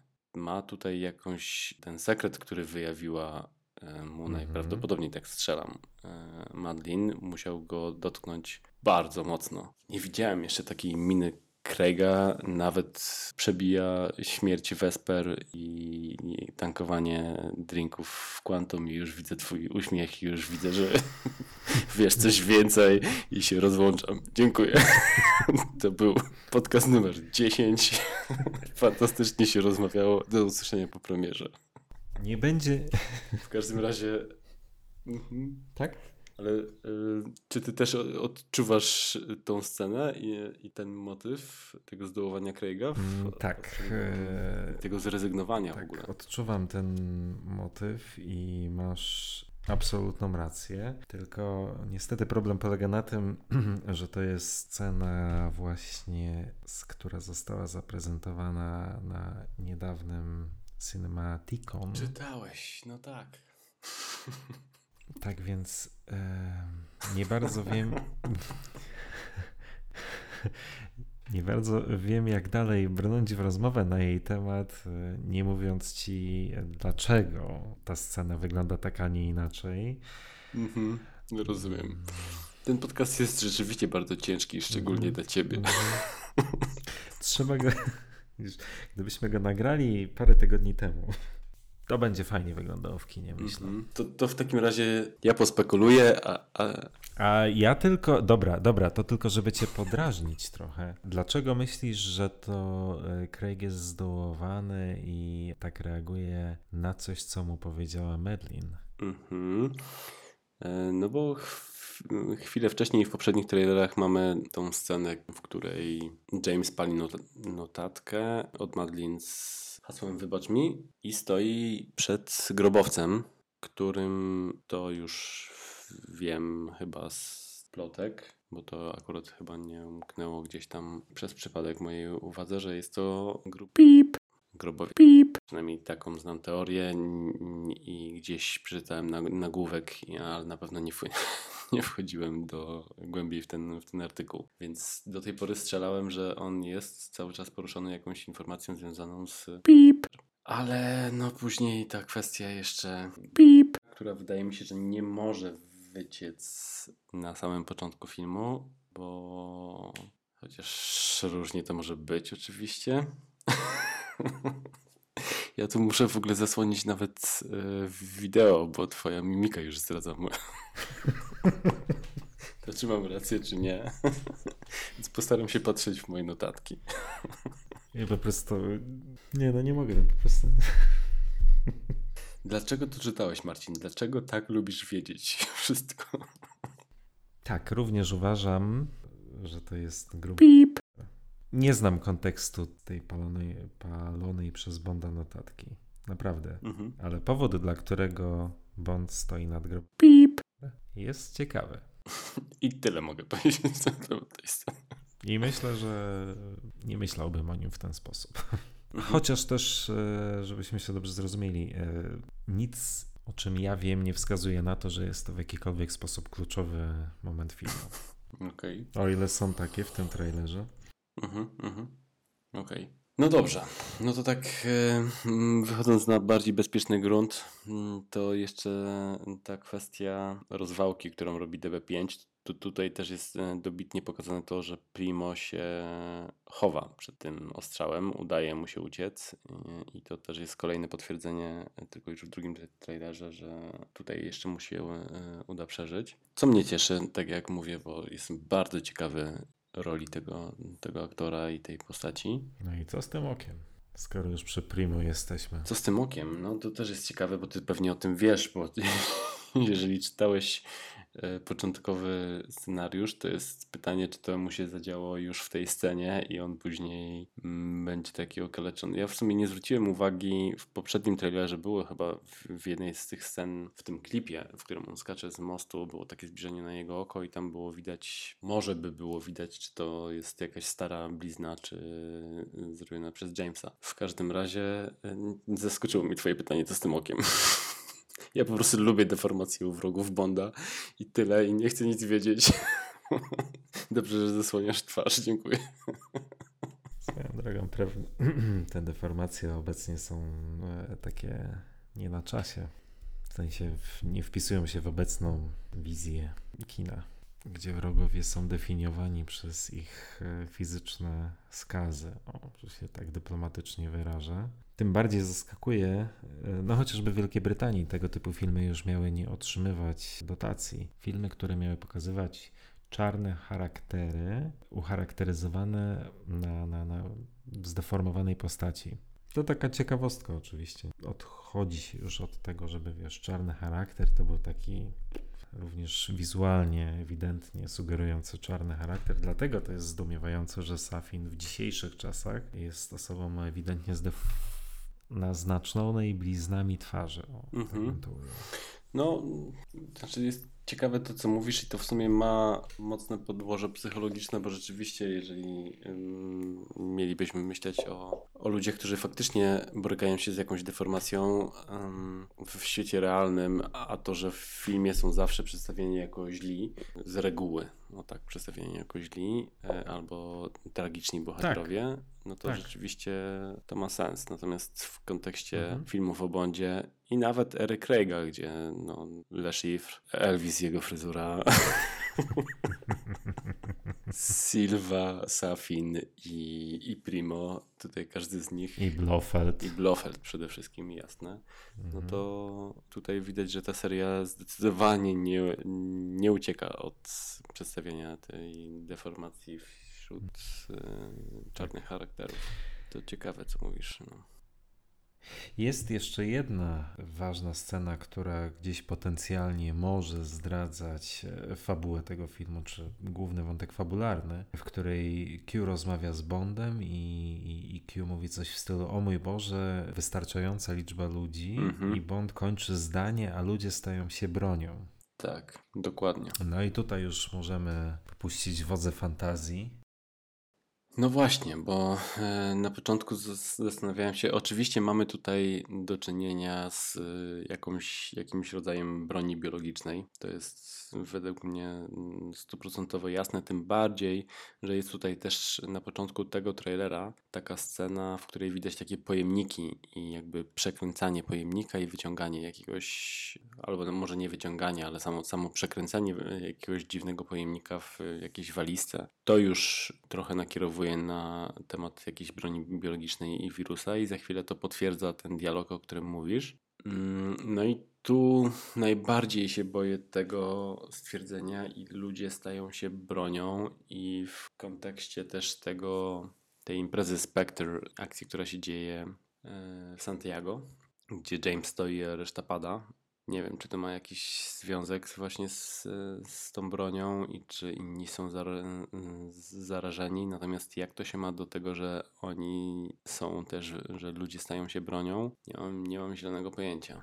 Znaczy, ja liczę na to, że to jest takie. Tak, myślę, że w tej chwili na tym etapie już nie ulega większej wątpliwości, że gdzieś fabuła tego filmu pewnie będzie dotykała kwestii wykorzystania broni biologicznej. Tak więc myśl, mam, liczę na to, mam nadzieję, że tutaj nie ma żadnego głębszego znaczenia i to po prostu chodzi o to, że ludzie stają się bronią przenosząc czy tego wirusa, czy, czy bakterię. No, chcę wierzyć, że na tym, na tym scenarzyści poprzestaną. -hmm.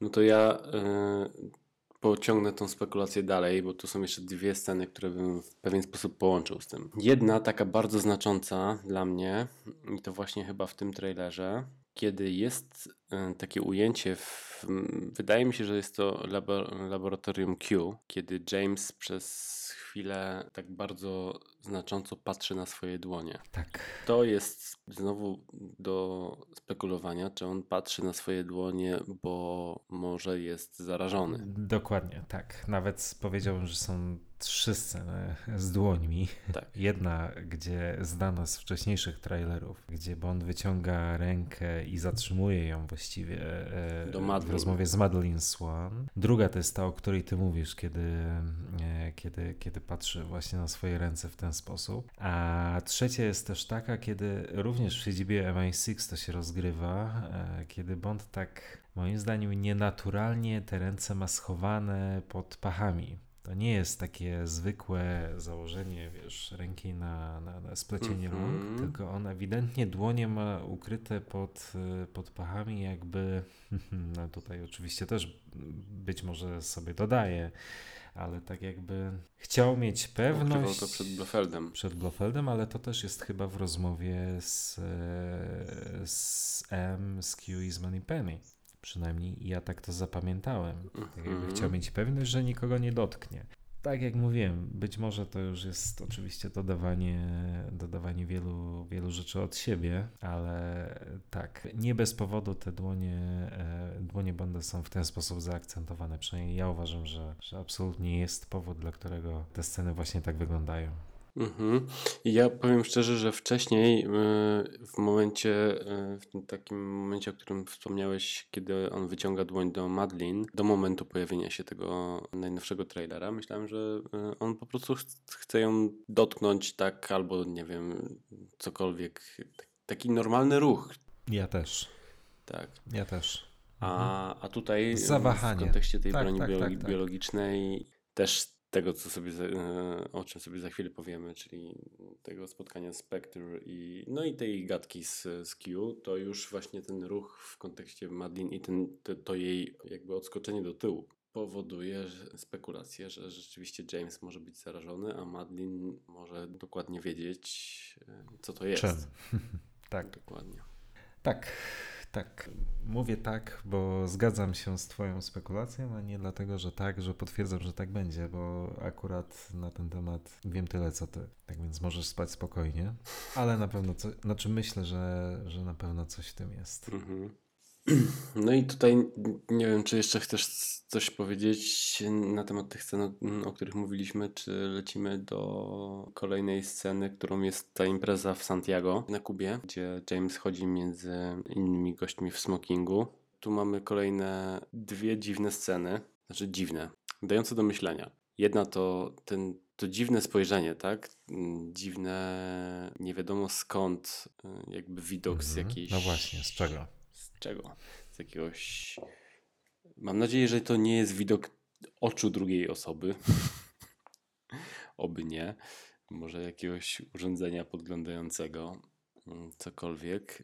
No, jest, jest zastanawiające. Natomiast y, nie wiem, czy ty wiesz i czy y, robiłeś jakieś stopklatki i sprawdzałeś sobie, y, co tam jest, bo tam są jakieś różne informacje, jakiś taki ala licznik i widać przy jakby weryfikacji twarzy Jamesa Bonda coś takiego jak no match i przekreślenie, a w dolnym lewym rogu jest 007. I to jest jakby potwierdzenie tej teorii, że James nie ma już statusu 007. Natomiast z drugiej strony jest to zastanawiające, może to jest jakaś maszyna MI6, bo nie wiem, czy Spectre by poznawało Jamesa po statusie 007 albo odwrotnie 007 jako Jamesa. Znaczy myślę, że tak naprawdę my, nie, nie znam odpowiedzi na to pytanie, ale myślę, że tak naprawdę są tutaj dwie możliwe odpowiedzi. Albo patrzy na niego, nie wiem, Primo lub ktoś w jego stylu, tutaj nawiązanie do tego oka, albo i mam nadzieję, że to jest właściwa odpowiedź. Jest to e, Nomi, która przecież ma te takie fajne, dziwne okulary, A, znaczy dziwne. Też słuszne. Specyficzne okulary. Jest to w scenie, w której ona prowadzi samochód, one są widoczne, takie okulary przeciwsłoneczne. Tak więc liczę na tą prostszą odpowiedź, czyli że to jest gadżet Q, który ma Nomi, czyli jakieś okulary w stylu wiesz, identyfikacja osób, coś w tym stylu. Mhm. I mam nadzieję, że tylko co oznacza to przekreślenie twarzy Bonda, tego nie wiem, bo cały czas zagadką dla mnie jest, a to jest bardzo intrygująca kwestia, dlaczego kiedy, i to znamy z wcześniejszych też materiałów, więc e, można spokojnie na ten temat sobie e, dywagować, dlaczego na, tej, na tym spotkaniu Spectre, kiedy jest rozpylony ten, ta substancja, ten gaz, mgła się pojawia w pewnym momencie, dlaczego wszyscy padają, a Bond nie? Czy to przekreślenie twarzy Bonda ma jakiś związek z tym, że Bond w przeciwieństwie do wszystkich pozostałych uczestników tej imprezy, jak to określiłeś, najwyraźniej albo wręcz przeciwnie, no w jakiś sposób jest odporny na, na tą substancję, która tam jest rozpylana. Czy to przekreślenie znaczy zupełnie coś innego? Nie wiem, nie wiem. Gdybyśmy, skoro już tak daleko poszliśmy, to może ci przeczytam to, co o tym The World is Not Enough. Więc to w zasadzie żaden spoiler, ale co mi się wydawało, że może być teraz wykorzystane przy okazji The No Time to Die, skoro już tak dywagujemy i skoro doszliśmy do tego, że jednak broń biologiczna będzie tutaj jasne, kluczem, dawaj. czy nie chcesz? Nie, nie, chcę jasne, bo to, to jest spekulacje lubię. Dobra, bo to jest spekulacja ewidentnie. W każdym razie Purvis Wade, y, jeden z trzech koncepcji na, na, na, na fabułę Świata to za mało, które ja wyczytałem. Jedną z trzech koncepcji było to, generalnie wątek miał mm, dotyczyć genetycznie ukierunkowanego wirusa, który zabija jedną na 10 osób.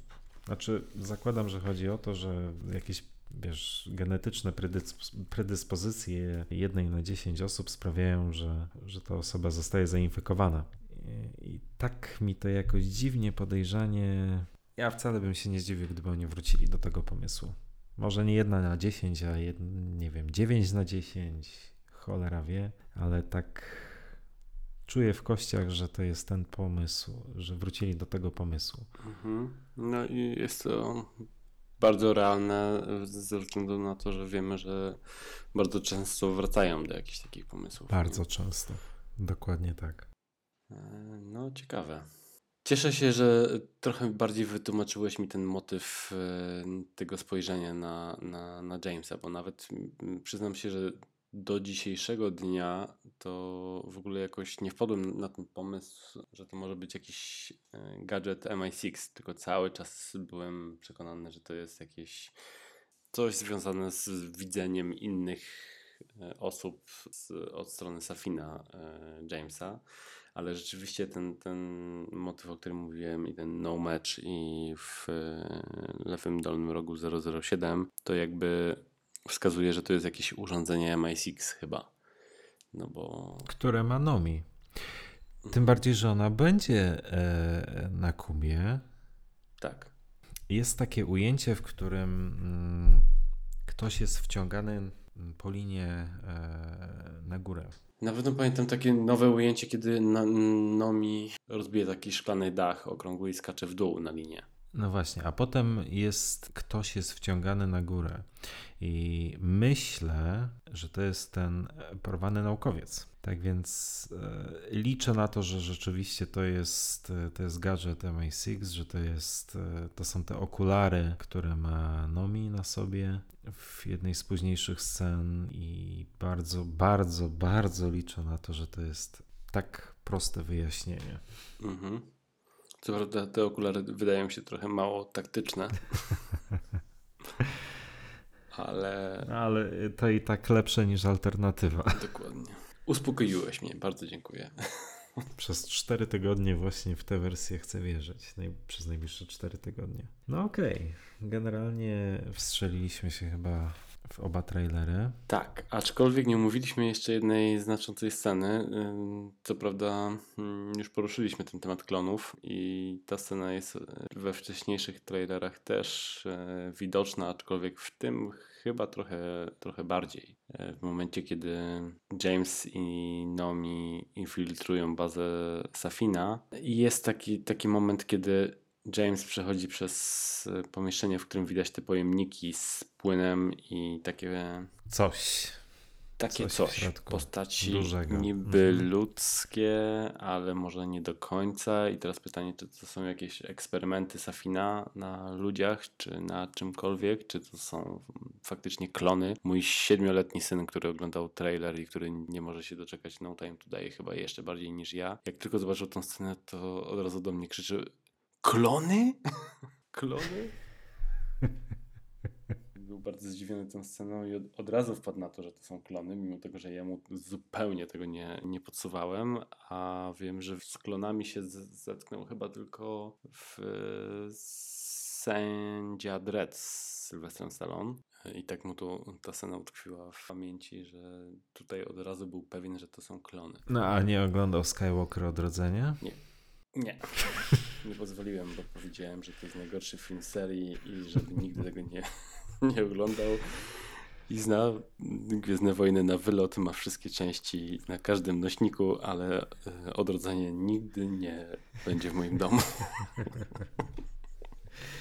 Bo te pojemniki są zadziwiająco podobne do tego, co było w Skywalker Odrodzenie. Dobrze, żeby mieć to z głowy. Tak, ja wiem, że kwestia klonów jest jedną z teorii, która krąży wokół tego filmu. Mam ogromną nadzieję, że, że te spekulacje się nie okażą, nie okażą prawdziwe. A właściwie może inaczej. Klonowanie jest rzeczą, którą które jest bardzo, ryzyko, bardzo ryzykowne w bondowskiej serii do, do pokazania, ponieważ można oczywiście pójść w tym kierunku, ale myślę, że trzeba by to było zrobić z bardzo dużym wyczuciem, bo no umówmy się, mamy 2021 rok. Myślę, że klonowanie jako takie, klonowanie ludzi nawet, w chwili obecnej nie jest poza zasięgiem współczesnej nauki. Jest to e, tak naprawdę to, że e, ludzi nie klonujemy, według mojej wiedzy oczywiście. To, że ludzi nie klonujemy, nie jest kwestią barier naukowych i technologicznych, tylko kwestią jest moralną. kwestią moralną i etyczną klonowanie ludzi, przynajmniej w znacznej części e, naszej cywilizacji, uznawane jest za, byłoby uznawane za coś nieetycznego. I to powiedziawszy, nawiązanie do klonowania ludzi w filmie o Bondzie samo w sobie nie byłoby niczym złym. Pod warunkiem, że byłoby to tylko i wyłącznie pokazanie gene tworzenia genetycznej kopii człowieka. Gorzej, gdyby przez klonowanie rozumieć to, co zwykliśmy oglądać w filmach e, raczej z gatunku science fiction, czyli. Czyli, że naraz na ekranie pojawiłoby się kilku safinów, albo nie daj Boże, jeszcze James, albo Vesper, albo Madeline. Dokładnie, to znaczy klony jako po prostu genetyczna kopia innego człowieka byłaby do przeżycia. Gorzej, gdyby pokazano nam klony, które są jednocześnie, czy e, mają, czy odzwierciedlają świadomość i osobowość osoby klonowanej. Tak jak to często wiadomo jest pokazywane e, w kinie czy, czy w literaturze science fiction. No to już by było. Poczułbyś podobne uderzenie jak po wyjściu z Diana Nie wiem, czy wyszedłbym z kina, ale, ale to już było bardzo no, niefajne.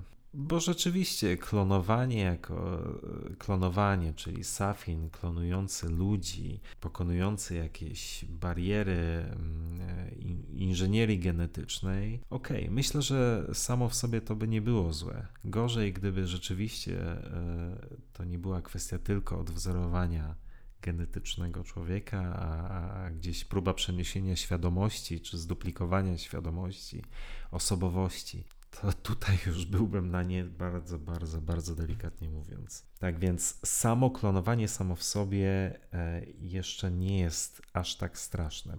Wszystko zależy od tego, jak to zostanie, czy i jak to zostanie pokazane. Racja. Racja i mnie też e, o wiele bardziej martwi temat wirusa i, i, i ludzi mogących zostać bronią, e, niż temat samego klonowania, bo tak jak powiedziałeś, to jest to jest temat, który w jakiś sposób cały czas gdzieś tam mm, w realnym świecie się pojawia i wiemy, że teoretycznie jest coś takiego możliwe w kontekście człowieka. Więc jeżeli to by było umiejętnie wykorzystane w tej serii, to dlaczego nie? Natomiast faktycznie, jeżeli tutaj nastąpiłaby jakaś e, kwestia walki Jamesa z, z armią klonów, albo nie daj Boże to, co ty mówisz, czyli jeszcze mm, klonowanie świadomości i tak dalej, no to już by było bardzo dziwne, aczkolwiek naprawdę trudno mi jest uwierzyć, że zarówno producenci, jak i Craig zgodziliby się na takie rozwiązanie po tym, co zrobili z całą tą erą, tak? I z urealnieniem tej historii do, do bólu no, w, w kontekście pozostałych filmów, więc nie sądzę, żeby sobie pozwolili na, na coś takiego. Ja również i, ja również uważam, że, czy inaczej, chcę wierzyć, że rzeczywiście fabuła będzie się skupiała na wątku broni biologicznej, wojny biologicznej, rozumianej w takim klasycznym stylu mm -hmm. i tyle. Mm -hmm. Co nie zmienia faktu, że nadal nie rozumiemy, nie potrafimy umieścić w kontekście tego, tej sceny otwierającej zwiastun, czyli tego nagłego zaczerpnięcia powietrza przez Safina, co może oznaczać równie dobrze coś bardzo banalnego w stylu odzyskuje przytomność, no i cały czas jakby w tym kontekście Doktora nieco... Tak, tak, ale w tym, w tym kontekście też e, cały czas zagadką pozostaje znaczenie tych słów, że, że, że moje umiejętności przetrwają długo po mojej śmierci. No, zobaczymy. No dobrze, ale trailery mamy umówione, natomiast e, ja jeszcze o jednej rzeczy tylko chciałbym, żebyśmy porozmawiali. A mianowicie jakiś czas temu, nie wiem, tydzień, dwa tygodnie temu, na Facebooku prowadziliśmy dyskusję na temat No Time to Die i doszliśmy do w sumie zdumiewającej, zastanawiającej konkluzji, a mianowicie żaden z nas nie oczekuje arcydzieła. Co jeszcze dziwniejsze, żaden z nas, ani ty, ani ja, nie, nie nastawiamy się, że nie czas umierać mogłoby wskoczyć na szczyt listy nie tylko najlepszych, e, nawet nie. Kurwa. Musi wybrzmieć. Żaden z nas nie tylko żaden z nas nie nastawia się na arcydzieło, ale żaden z nas nie spodziewa się, że Nie Czas Umierać będzie nawet nie najlepszym filmem serii, ale najlepszym filmem ery Daniela Craiga. I Zastanawiam się, dlaczego tak jest, a również zastanawiam się, czy te trailery, które obejrzałeś we wtorek, cokolwiek zmieniają w, twoim, w Twoich oczekiwaniach, jeśli chodzi o ten film. Nie, nie. Nie zmieniają i wręcz utwierdzają mnie w tym przekonaniu, że wydaje mi się, że już na tyle dużo widziałem i na tyle mogę się spodziewać czegoś po tym filmie, że jestem w stanie go tylko i wyłącznie klasyfikować powyżej Quantum of Solace i Spectre. W pewien sposób jest to dla mnie o tyle bezpieczne stwierdzenie, że nie, prze, nie wydaje mi się, żeby miało jakąkolwiek szansę przebić tych filmów, które cenię najbardziej z Ery Craiga, czyli Casino Royale i Skyfall. I wydaje mi się cały czas, że to, co zobaczyłem w trailerach, w żaden sposób nie jest w stanie tego przebić. O tyle jest to bezpieczne założenie, że jeżeli już nie mówię o przebiciu, ale jeżeli choćby dorównało tym filmom, to będę bardzo pozytywnie zaskoczony. Natomiast jeśli nie dorówna, to po prostu spełni moje oczekiwania, jeżeli będzie lepsze od Spectre i Quantum of Solace. Natomiast bardzo, bardzo się obawiam tego, że niektóre pomysły mogą spowodować, że, że ten film wyląduje gdzieś tam niżej, ale z drugiej strony wydaje mi się, że jest to mało realne, znając i zadowolenie Craiga, które oczywiście może być w pewien sposób jakimś chwytem marketingowym. Spectre ale... był również zachwycony. Tak, no. Z tego co pamiętam. No, dokładnie. Natomiast Fukunaga też jakoś nigdy do tej pory mnie nie, nie zawiódł. I to zarówno w True Detective, jak i w, w tym serialu, z, już kurczę, nie pamiętam. Maniak. Maniak, który y, mhm. naprawdę byłem bardzo, bardzo pozytywnie zaskoczony tym serialem. Mm, oczywiście nie przebił True Detective, który jest dla mnie w ogóle najlepszym serialem w dziejach kina, jaki powstał. To jest numer jeden, którego dla mnie nic nie przebiło. Ja uwielbiam po prostu ten, ten serial i wierzę w Fukunagę w 100%, więc no w ciemno stawiam ten film na, na trzecim miejscu w wyrze Craiga i mam nadzieję, że sprosta moim oczekiwaniom i nie oczekuję od niego więcej. A nie oczekuję chyba po tym, co widziałem po prostu na trailerach. Po prostu wydaje mi się, że to, co zobaczyłem, nie jest w stanie przebić moich ulubionych filmów z.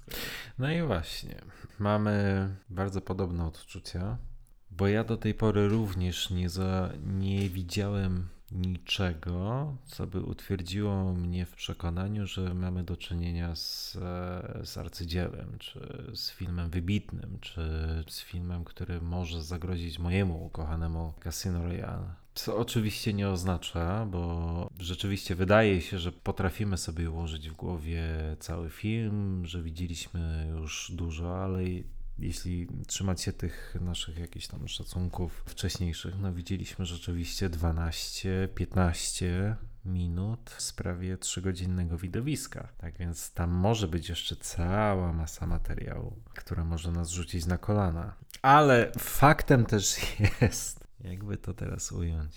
Jesteśmy już w takim wieku, że na tyle czujemy chyba kinematografię ogólnie, w ogóle, że czasami można oceniać film po okładce. Jeśli ta okładka będzie aż tak myląca im plus, no to super, ale, ale na razie jakoś tak nie czuję, nie czuję tego, żeby to mogło rzeczywiście być. Filmem na miarę arcydzieła.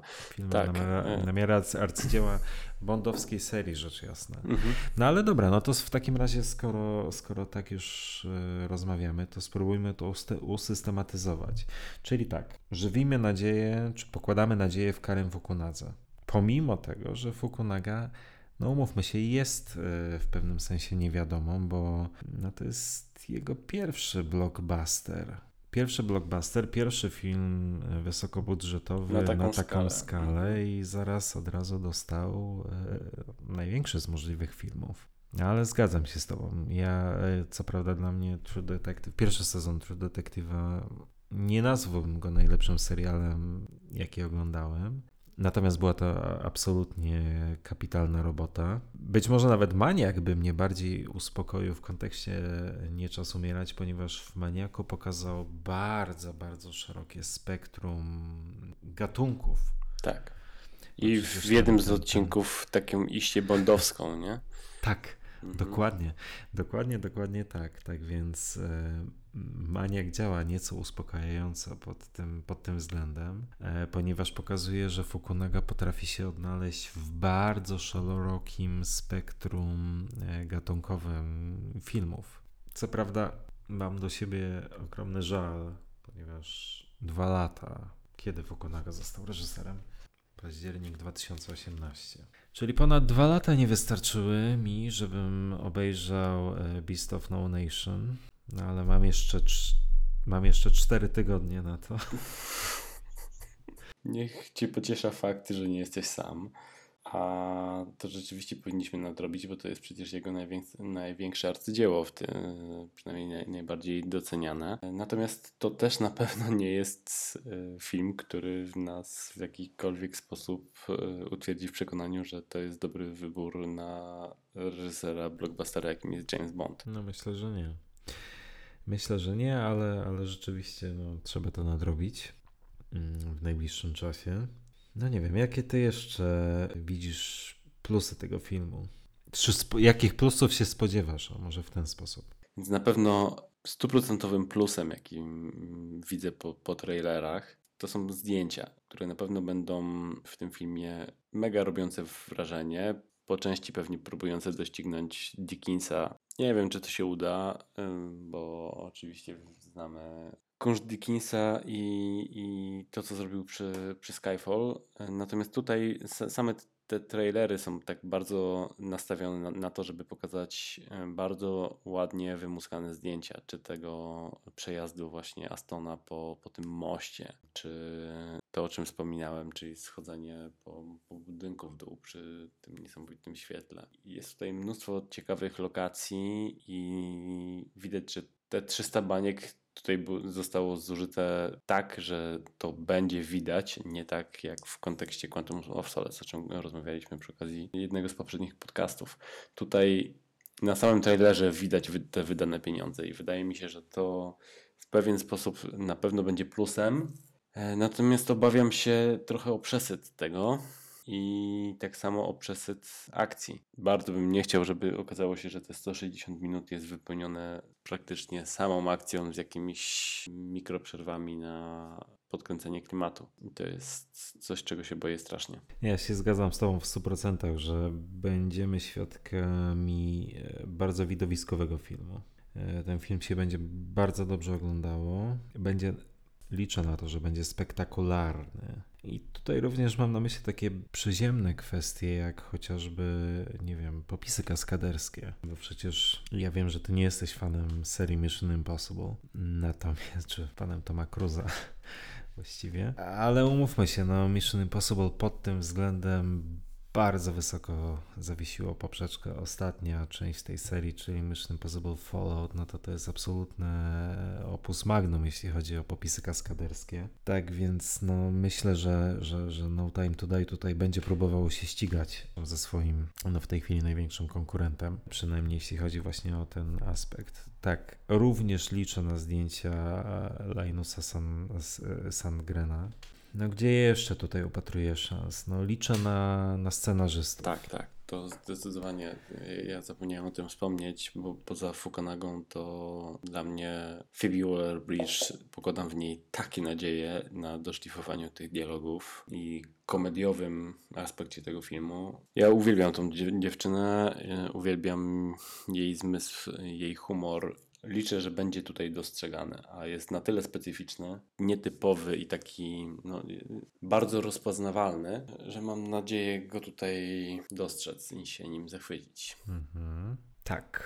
Tutaj też jest pewna łyżka dzie dziegciu w tej beczce miodu, jeśli chodzi o scenarzystów, bo no z jednej strony mamy tutaj naprawdę pierwszorzędne nazwiska, jeśli chodzi o, o ekipę, która ten, ten scenariusz pisała, no ale to również oznacza po pierwsze, że ten scenariusz był bardzo intensywnie przepracowywany, co oznacza, że po pierwsze ten, który dostarczył Purvis i Wade, był raczej takiej sobie jakości.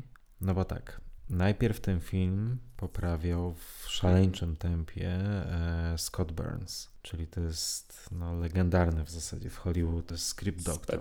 Potem wziął go poprawek. Mhm. w spec od poprawek i z tego co pamiętam z ówczesnych oczywiście informacji, no to to nie miały być kosmetyczne poprawki. To miało być na tyle głębokie zmiany, że e, nawet spekulowano, że jego nazwisko pojawi się w czołówce. No tak ostatecznie się, się nie stanie. Później ten scenariusz wziął na warsztat Kary Fukunaga, a dopiero później Phoebe Waller-Bridge. To, że Phoebe Waller-Bridge się pojawi jednak w napisach początkowych, to nie jest jakiś ukłon w jej stronę, tylko to oznacza, że ona również zrobiła w tym scenariuszu znacznie więcej niż tylko podkręciła dialogi i dodała nieco humoru. Tak więc no, każdy z tych scenarzystów, skoro się pojawia, bo to oczywiście to, tak jak mówię, to nie jest uznaniowość, to, to są po prostu przepisy czy wymogi związku, gildii scenarzystów, które wyraźnie stanowią o tym, w jakich sytuacjach kto się może pojawić, czy powinien się pojawić w napisach początkowych. Tak więc ten scenariusz był bardzo intensywnie przepisywany przez e, przynajmniej cztery różne ekipy na czterech różnych etapach co oznacza, że on cały czas był dość mocno niesatysfakcjonujący. To też nie jest oczywiście tak, że takie rzeczy się nie dzieją, bo to, to, to jest kino producenckie, to jest blockbuster. No, one są poniekąd w ten sposób tworzone. Rzadko kiedy się zdarza, że tutaj scenariusz wychodzi spod jednej i tylko i wyłącznie spod jednej ręki. Natomiast no, tutaj to tak na dwoje trochę babka wróżyła. E, zobaczymy. No ale liczę na to, że taka ekipa, czyli i Fukunaga, i, i, i, Burns, który nie zostanie wymieniony w napisach, i Waller-Bridge. No ale wcześniej mimo wszystko Purvis Wade, którym można bardzo wiele zarzucić i wielokrotnie zarzucaliśmy w tych podcastach. Mieliśmy do nich pretensje o, o jakość scenariusza pisanych przez nich filmów, no, ale z pewnością nie można im odmówić wyobraźni, nie można im odmówić niezłych pomysłów i z całą pewnością nie można im odmówić tego, że oni czują postać Jamesa Bonda i, rozumieją e, Bonda również takiego, jakim go e, stworzył Fleming. Tak więc no przynajmniej ja liczę na to, że taka ekipa popełni scenariusz, w którym przynajmniej i dialogi, i tempo, i sama struktura scenariusza będą, będą na naprawdę najwyższym poziomie. No liczę na to. Liczę też na to, że ponieważ ten film trwa prawie 3 godziny, to jest naprawdę sporo, to dzięki tak długiemu czasowi trwania ten film i rozwinie, i zakończy wszystkie wątki mhm. E, w takim zgodnym ze sztuką filmową stylu. Nie będzie tutaj pośpiechu, skrótów. Tak jak chociażby w Spectre, który też przecież nie był krótkim filmem. Krótkim filmem. Mhm. Mhm. A mimo wszystko wiele rzeczy było tam, z racji tego, że źle zostały położone akcenty na niektóre kwestie, no pewne rzeczy aż prosiły się o rozwinięcie i dopowiedzenie, a inne no z pewnością można było skrócić albo, albo wyciąć. Dokładnie. Tak, no to rzeczywiście ten, ten czas trwania filmu to jest coś, na co liczę, że rzeczywiście te, ta cała akcja, której jest dużo w, tra w trailerach, bardzo dużo, ale bardzo często jest tak, że trailer jest niesamowicie widowiskowy, a film okazuje się o wiele wolniejszy. Tak I jest. na to samo liczę tutaj. Mam nadzieję, że trailer jest po prostu zmontowany w taki sposób, żeby jak najbardziej przyciągnąć do kina wszystkich tych oczekujących nieprawdopodobnej akcji, która tutaj niewątpliwie będzie, bo to jest film, który po trailerze można powiedzieć, że to będzie naj najbardziej widowiskowy tak. film serii, no bo na taki wygląda. Mhm. Natomiast ja naprawdę liczę na to, że te 160 minut jest właśnie po to, żeby dobrze zrównoważyć tą akcję z, z, fajnymi, wolniejszymi scenami, budującymi dobre napięcie i przede wszystkim już, na, już nawet nie mówiąc o tej historii, która wiem, że ja lubię Skyfall, więc historia nie musi być nie musi tu być nieprawdopodobnie niezadowalająca, ale bardzo liczę na te dialogi i, i liczę na ten szlif Phoebe Waller-Bridge. Tak, i myślę, i myślę, że o myślę, że o ten aspekt chyba możemy być spokojni. A muzyka? Muzyka. Tu uważam, że to będzie po prostu, tu nie będzie żadnego żadnej rewolucji, może tak. To będzie, e, jeżeli to jest insygnowane Hansem Zimmerem, nieważne czy to jest Hans Zimmer, czy yy, osoby, pod którymi podpisuje się Hans Zimmer, to sądzę, że to będzie... Tak, a propos fabuły. A propos, tak. To będzie po prostu solidna robota. Zimmer dla mnie jest skojarzony z takimi mm, jednostajnymi dźwiękami podbudowującymi na napięcie i chyba pierwszy raz z Zimmera tutaj najbardziej słyszę właśnie w tym tra trailerze e, amerykańskim i lubię jego ścieżki dźwiękowe, nie mam nic, nic przeciwko, więc sądzę, że będę zadowolony, natomiast to nie będzie nic, co, co powiem, że jest powalającego i, i nie mam tutaj zbyt dużych oczekiwań. Mhm. No to chyba jesteśmy tutaj po jednych pieniądzach. Okej. Okay. To była ta wbrew pozorom trudniejsza część, bo jestem ciekaw, czy jest to jest pytanie retoryczne, bo dobrze wiem, że tak jest. Ale czy jest coś, co cię szczególnie martwi i czekasz z niepokojem? Mhm. Tak, no zdecydowanie, ale to wydaje mi się, że po części omówiliśmy, to no, najbardziej mnie martwią te wątki science fiction, które teoretycznie można tutaj wyczytać z mm, trailerów, tak? Jeżeli to będzie faktycznie, zaraz się okaże, że to jest kwestia zakończenia serii podobnie jak do kwestii Pierce'a Brosnana, gdzie trzy poprzednie filmy były mocno przyziemne, a naraz czwartym odskoczyli w kosmos. Tak samo tutaj mm, bardzo się boję w kontekście Craiga, żeby tego nie zniszczyli. Oni tutaj sprowadzili na ziemię Jamesa i, i fabuły i nie chciałbym, żeby odskoczyli od tego zbytnio, mimo tego, że oczywiście tak jak tutaj mm, nasz kolega z, z grupy Maciek wskazywał, że to w sumie nie jest nic złego, bo ta seria przecież słynie z tego w każdej tak naprawdę odsłonie, w erze każdego aktora tak naprawdę. No może wyłączając George'a, który, George'a i Timothy'ego, którzy, którzy za bardzo nie mieli takiej możliwości, tak? Ale zarówno Sean, jak i Roger, jak i Pierce doczekali filmu, w którym Bond przysłowiowo wystrzelił w kosmos. Ja bym nie chciał, żeby Craig wystrzelił w kosmos. Nie chciałbym aż takiej odskoczni od, od realizmu i to jest ta moja chyba największa obawa. No, zdecydowanie tak. Ech, głupie rozwiązania fabularne zawsze niepokoją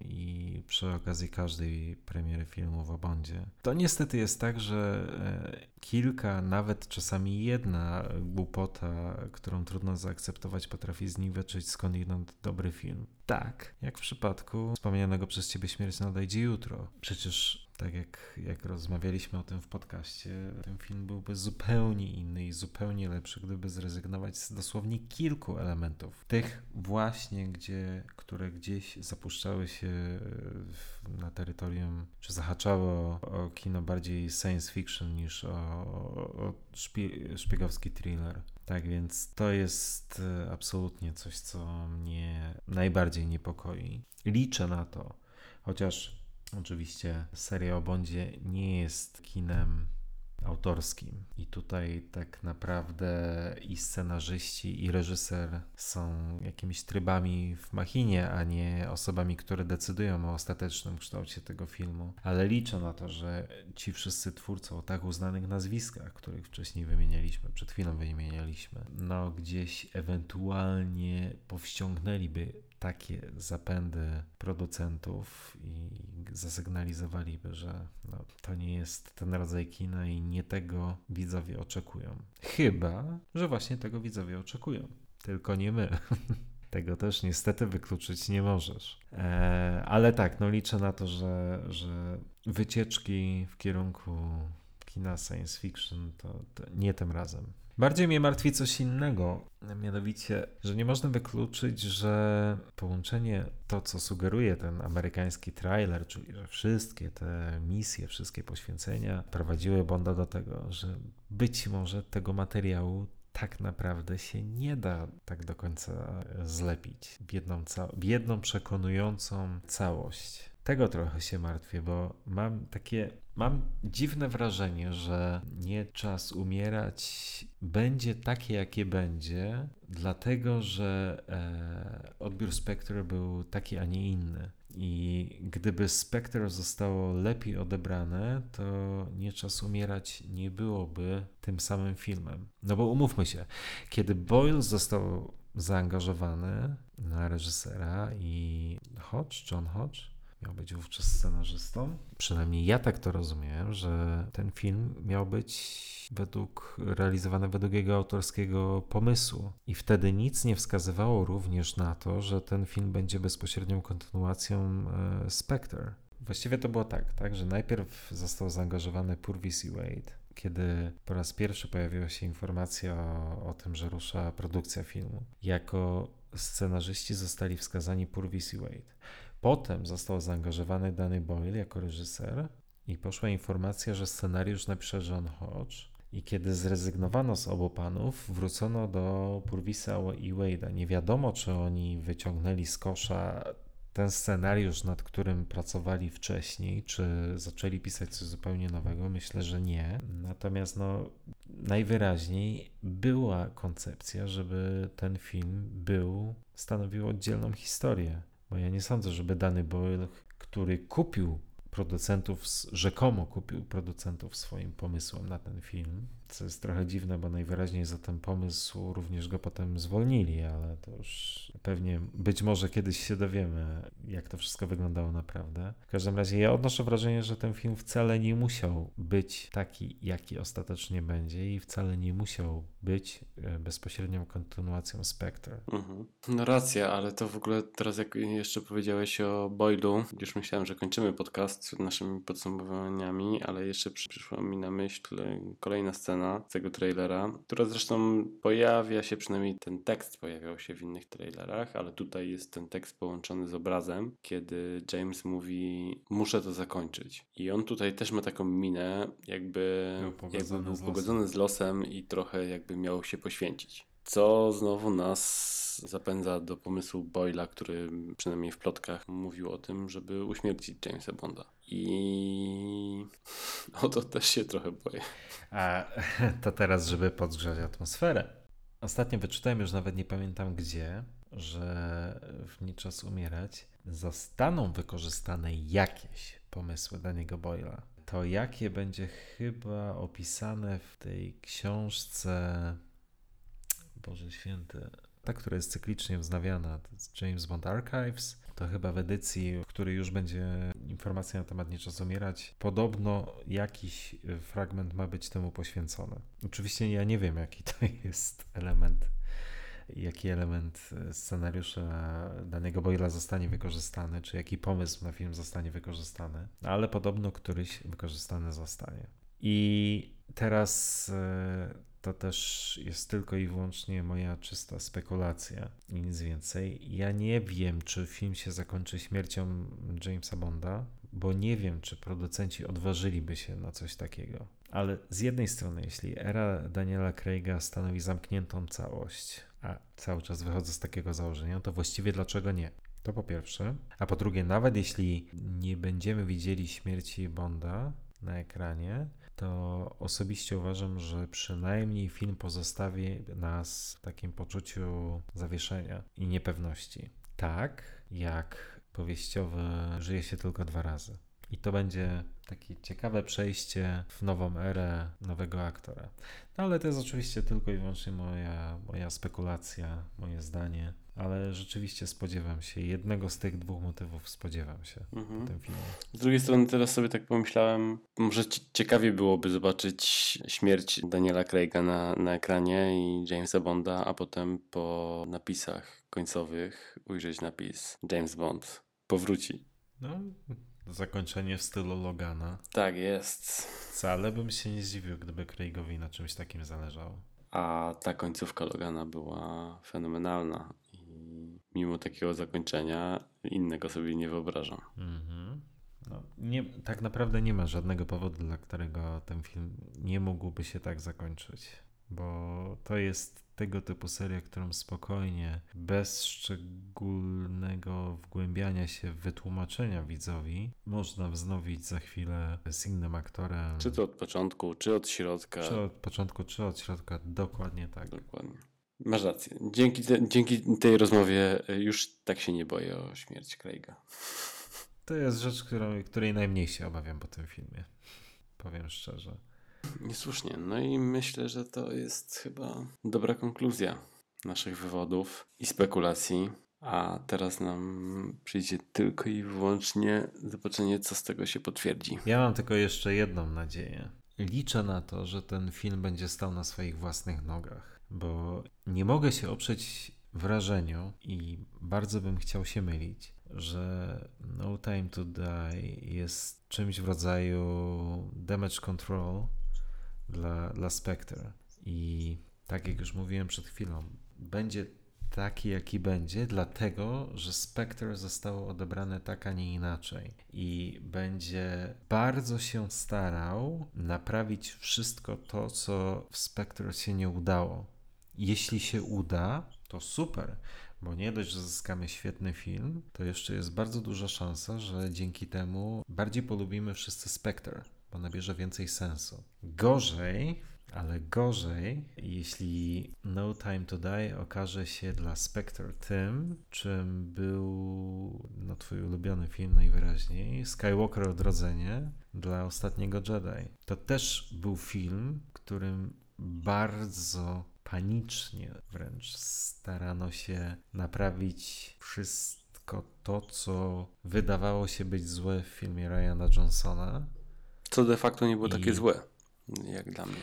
Co, co nie było de facto takie złe, ale oglądając Skywalker Odrodzenie, no nie można oprzeć się wrażeniu, że e, ten film jest taki, ponieważ jego pierwszym i najważniejszym celem jest naprawienie tych błędów poprzednika, błędów tak? Poprzednika. I wymazania w ogóle całkowicie tej historii, z, y, którą zapoczątkował Ryan Johnson w y, Last Jedi. Tak, tak, masz rację. I to jest y, kolejna rzecz utwierdzająca mnie w przekonaniu, że następną erę Jamesa Bonda, otwierającą przez aktora nieważne jakiego. Chyba rzeczywiście wolałbym, żeby to nie były łączone historie, bo jednak przez te łączone historie mamy o wiele bardziej wygórowane oczekiwania co do zakończenia serii, nawet no, każdego kolejnego filmu, tak? To jest wszystko dla nas łączone w jedną, jedną historię i dla mnie jest tutaj takim wytrychem Skyfall, który Spectre niestety próbował mi go jakoś mocno jednak wbić w fabułę, natomiast uważam, że tak właśnie powinny być prowadzone Bondy, czyli w oderwaniu od, od innych filmów, bo tutaj wchodzi za dużo czynników, które w pewien sposób może nam zepsuć seans. Absolutnie się zgadzam. Tak więc ja osobiście na pewno nie mogę powiedzieć, że jestem absolutnie spokojny, że o, o jakość nie czas umierać, pomimo tego, że na pewno wiele jego aspektów bez wątpienia będzie świetne, ale e, jeśli miałbym powiedzieć, że jestem spokojny o to, że wyjdę z kina zachwycony, na razie nie mogę tego powiedzieć. Niestety. Z całą pewnością byłoby oczywiście łatwiej przełknąć jeden czy drugi film e, słabszej jakości, no bo umówmy się, nie jest możliwe tworzenie serii, w której każdy kolejny film przebija jakościowo poprzednika. To jest po prostu, no, no trudno to sobie wyobrazić, ale z pewnością mm, filmy e, słabsze byłoby pewnie łatwiej przełknąć, gdyby one rzeczywiście powstawały co nie wiem, 2-3 lata, a nie w sytuacji, w której czekasz pół dekady na kolejną odsłonę serii, która cię zawodzi i masz świadomość, że na ewentualną rehabilitację czekasz kolejnych 5 lat. Ale absolutnie się z Tobą zgadzam.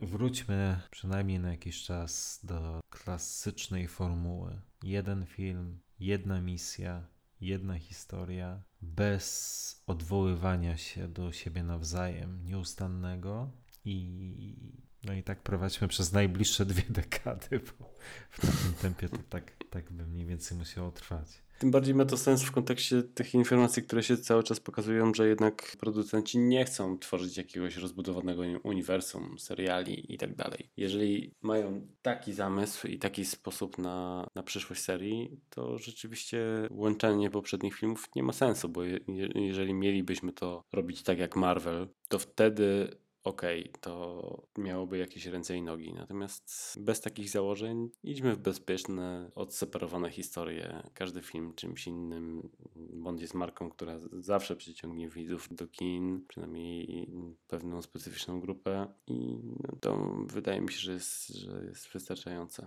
Bardzo serdecznie dziękujemy za dzisiejsze spotkanie. Bardzo liczymy na to, że za dokładnie 4 tygodnie spotkamy się, żeby porozmawiać już o wrażeniach z obejrzanego filmu. Nie czas umierać. Po tylu latach wyczekiwania, po tak nieprawdopodobnych emocjach, miejmy nadzieję, że ten film spełni nasze wszystkie oczekiwania i że będziemy się na nim świetnie bawić. Kończy się powoli pewien etap, no ale cóż, niedługo rozpocznie się nowy. I tak szczerze mówiąc, Cholernie nie mogę się już doczekać. Dokładnie. Ja mam tak samo, mimo tego, że na, naprawdę jestem strasznie wdzięczny Craigowi za to, co zrobił. Barbarze Brokoli za to, mm, że to tak głównie wydaje mi się, ona też pociągnęła ten temat i tą erę Craiga już jestem w stanie ze swojej perspektywy uznać za, za udaną, mimo tego, że wielu spośród fanów wiemy, że, że narzeka, że to już nie jest ten Bond co zawsze i tak dalej. To jednak dla mnie na, naprawdę Craig zrobił bardzo dużo dobrego dla tej serii. Liczę, że będzie miał godne zakończenie, ale o tym się przekonamy za 4 tygodnie. Tak, tak, za 4 tygodnie, dokładnie tak. Więc bardzo, jeszcze raz bardzo dziękujemy i do usłyszenia. JamesBondTeam.pl powróci. Na pewno. Dzięki wielkie.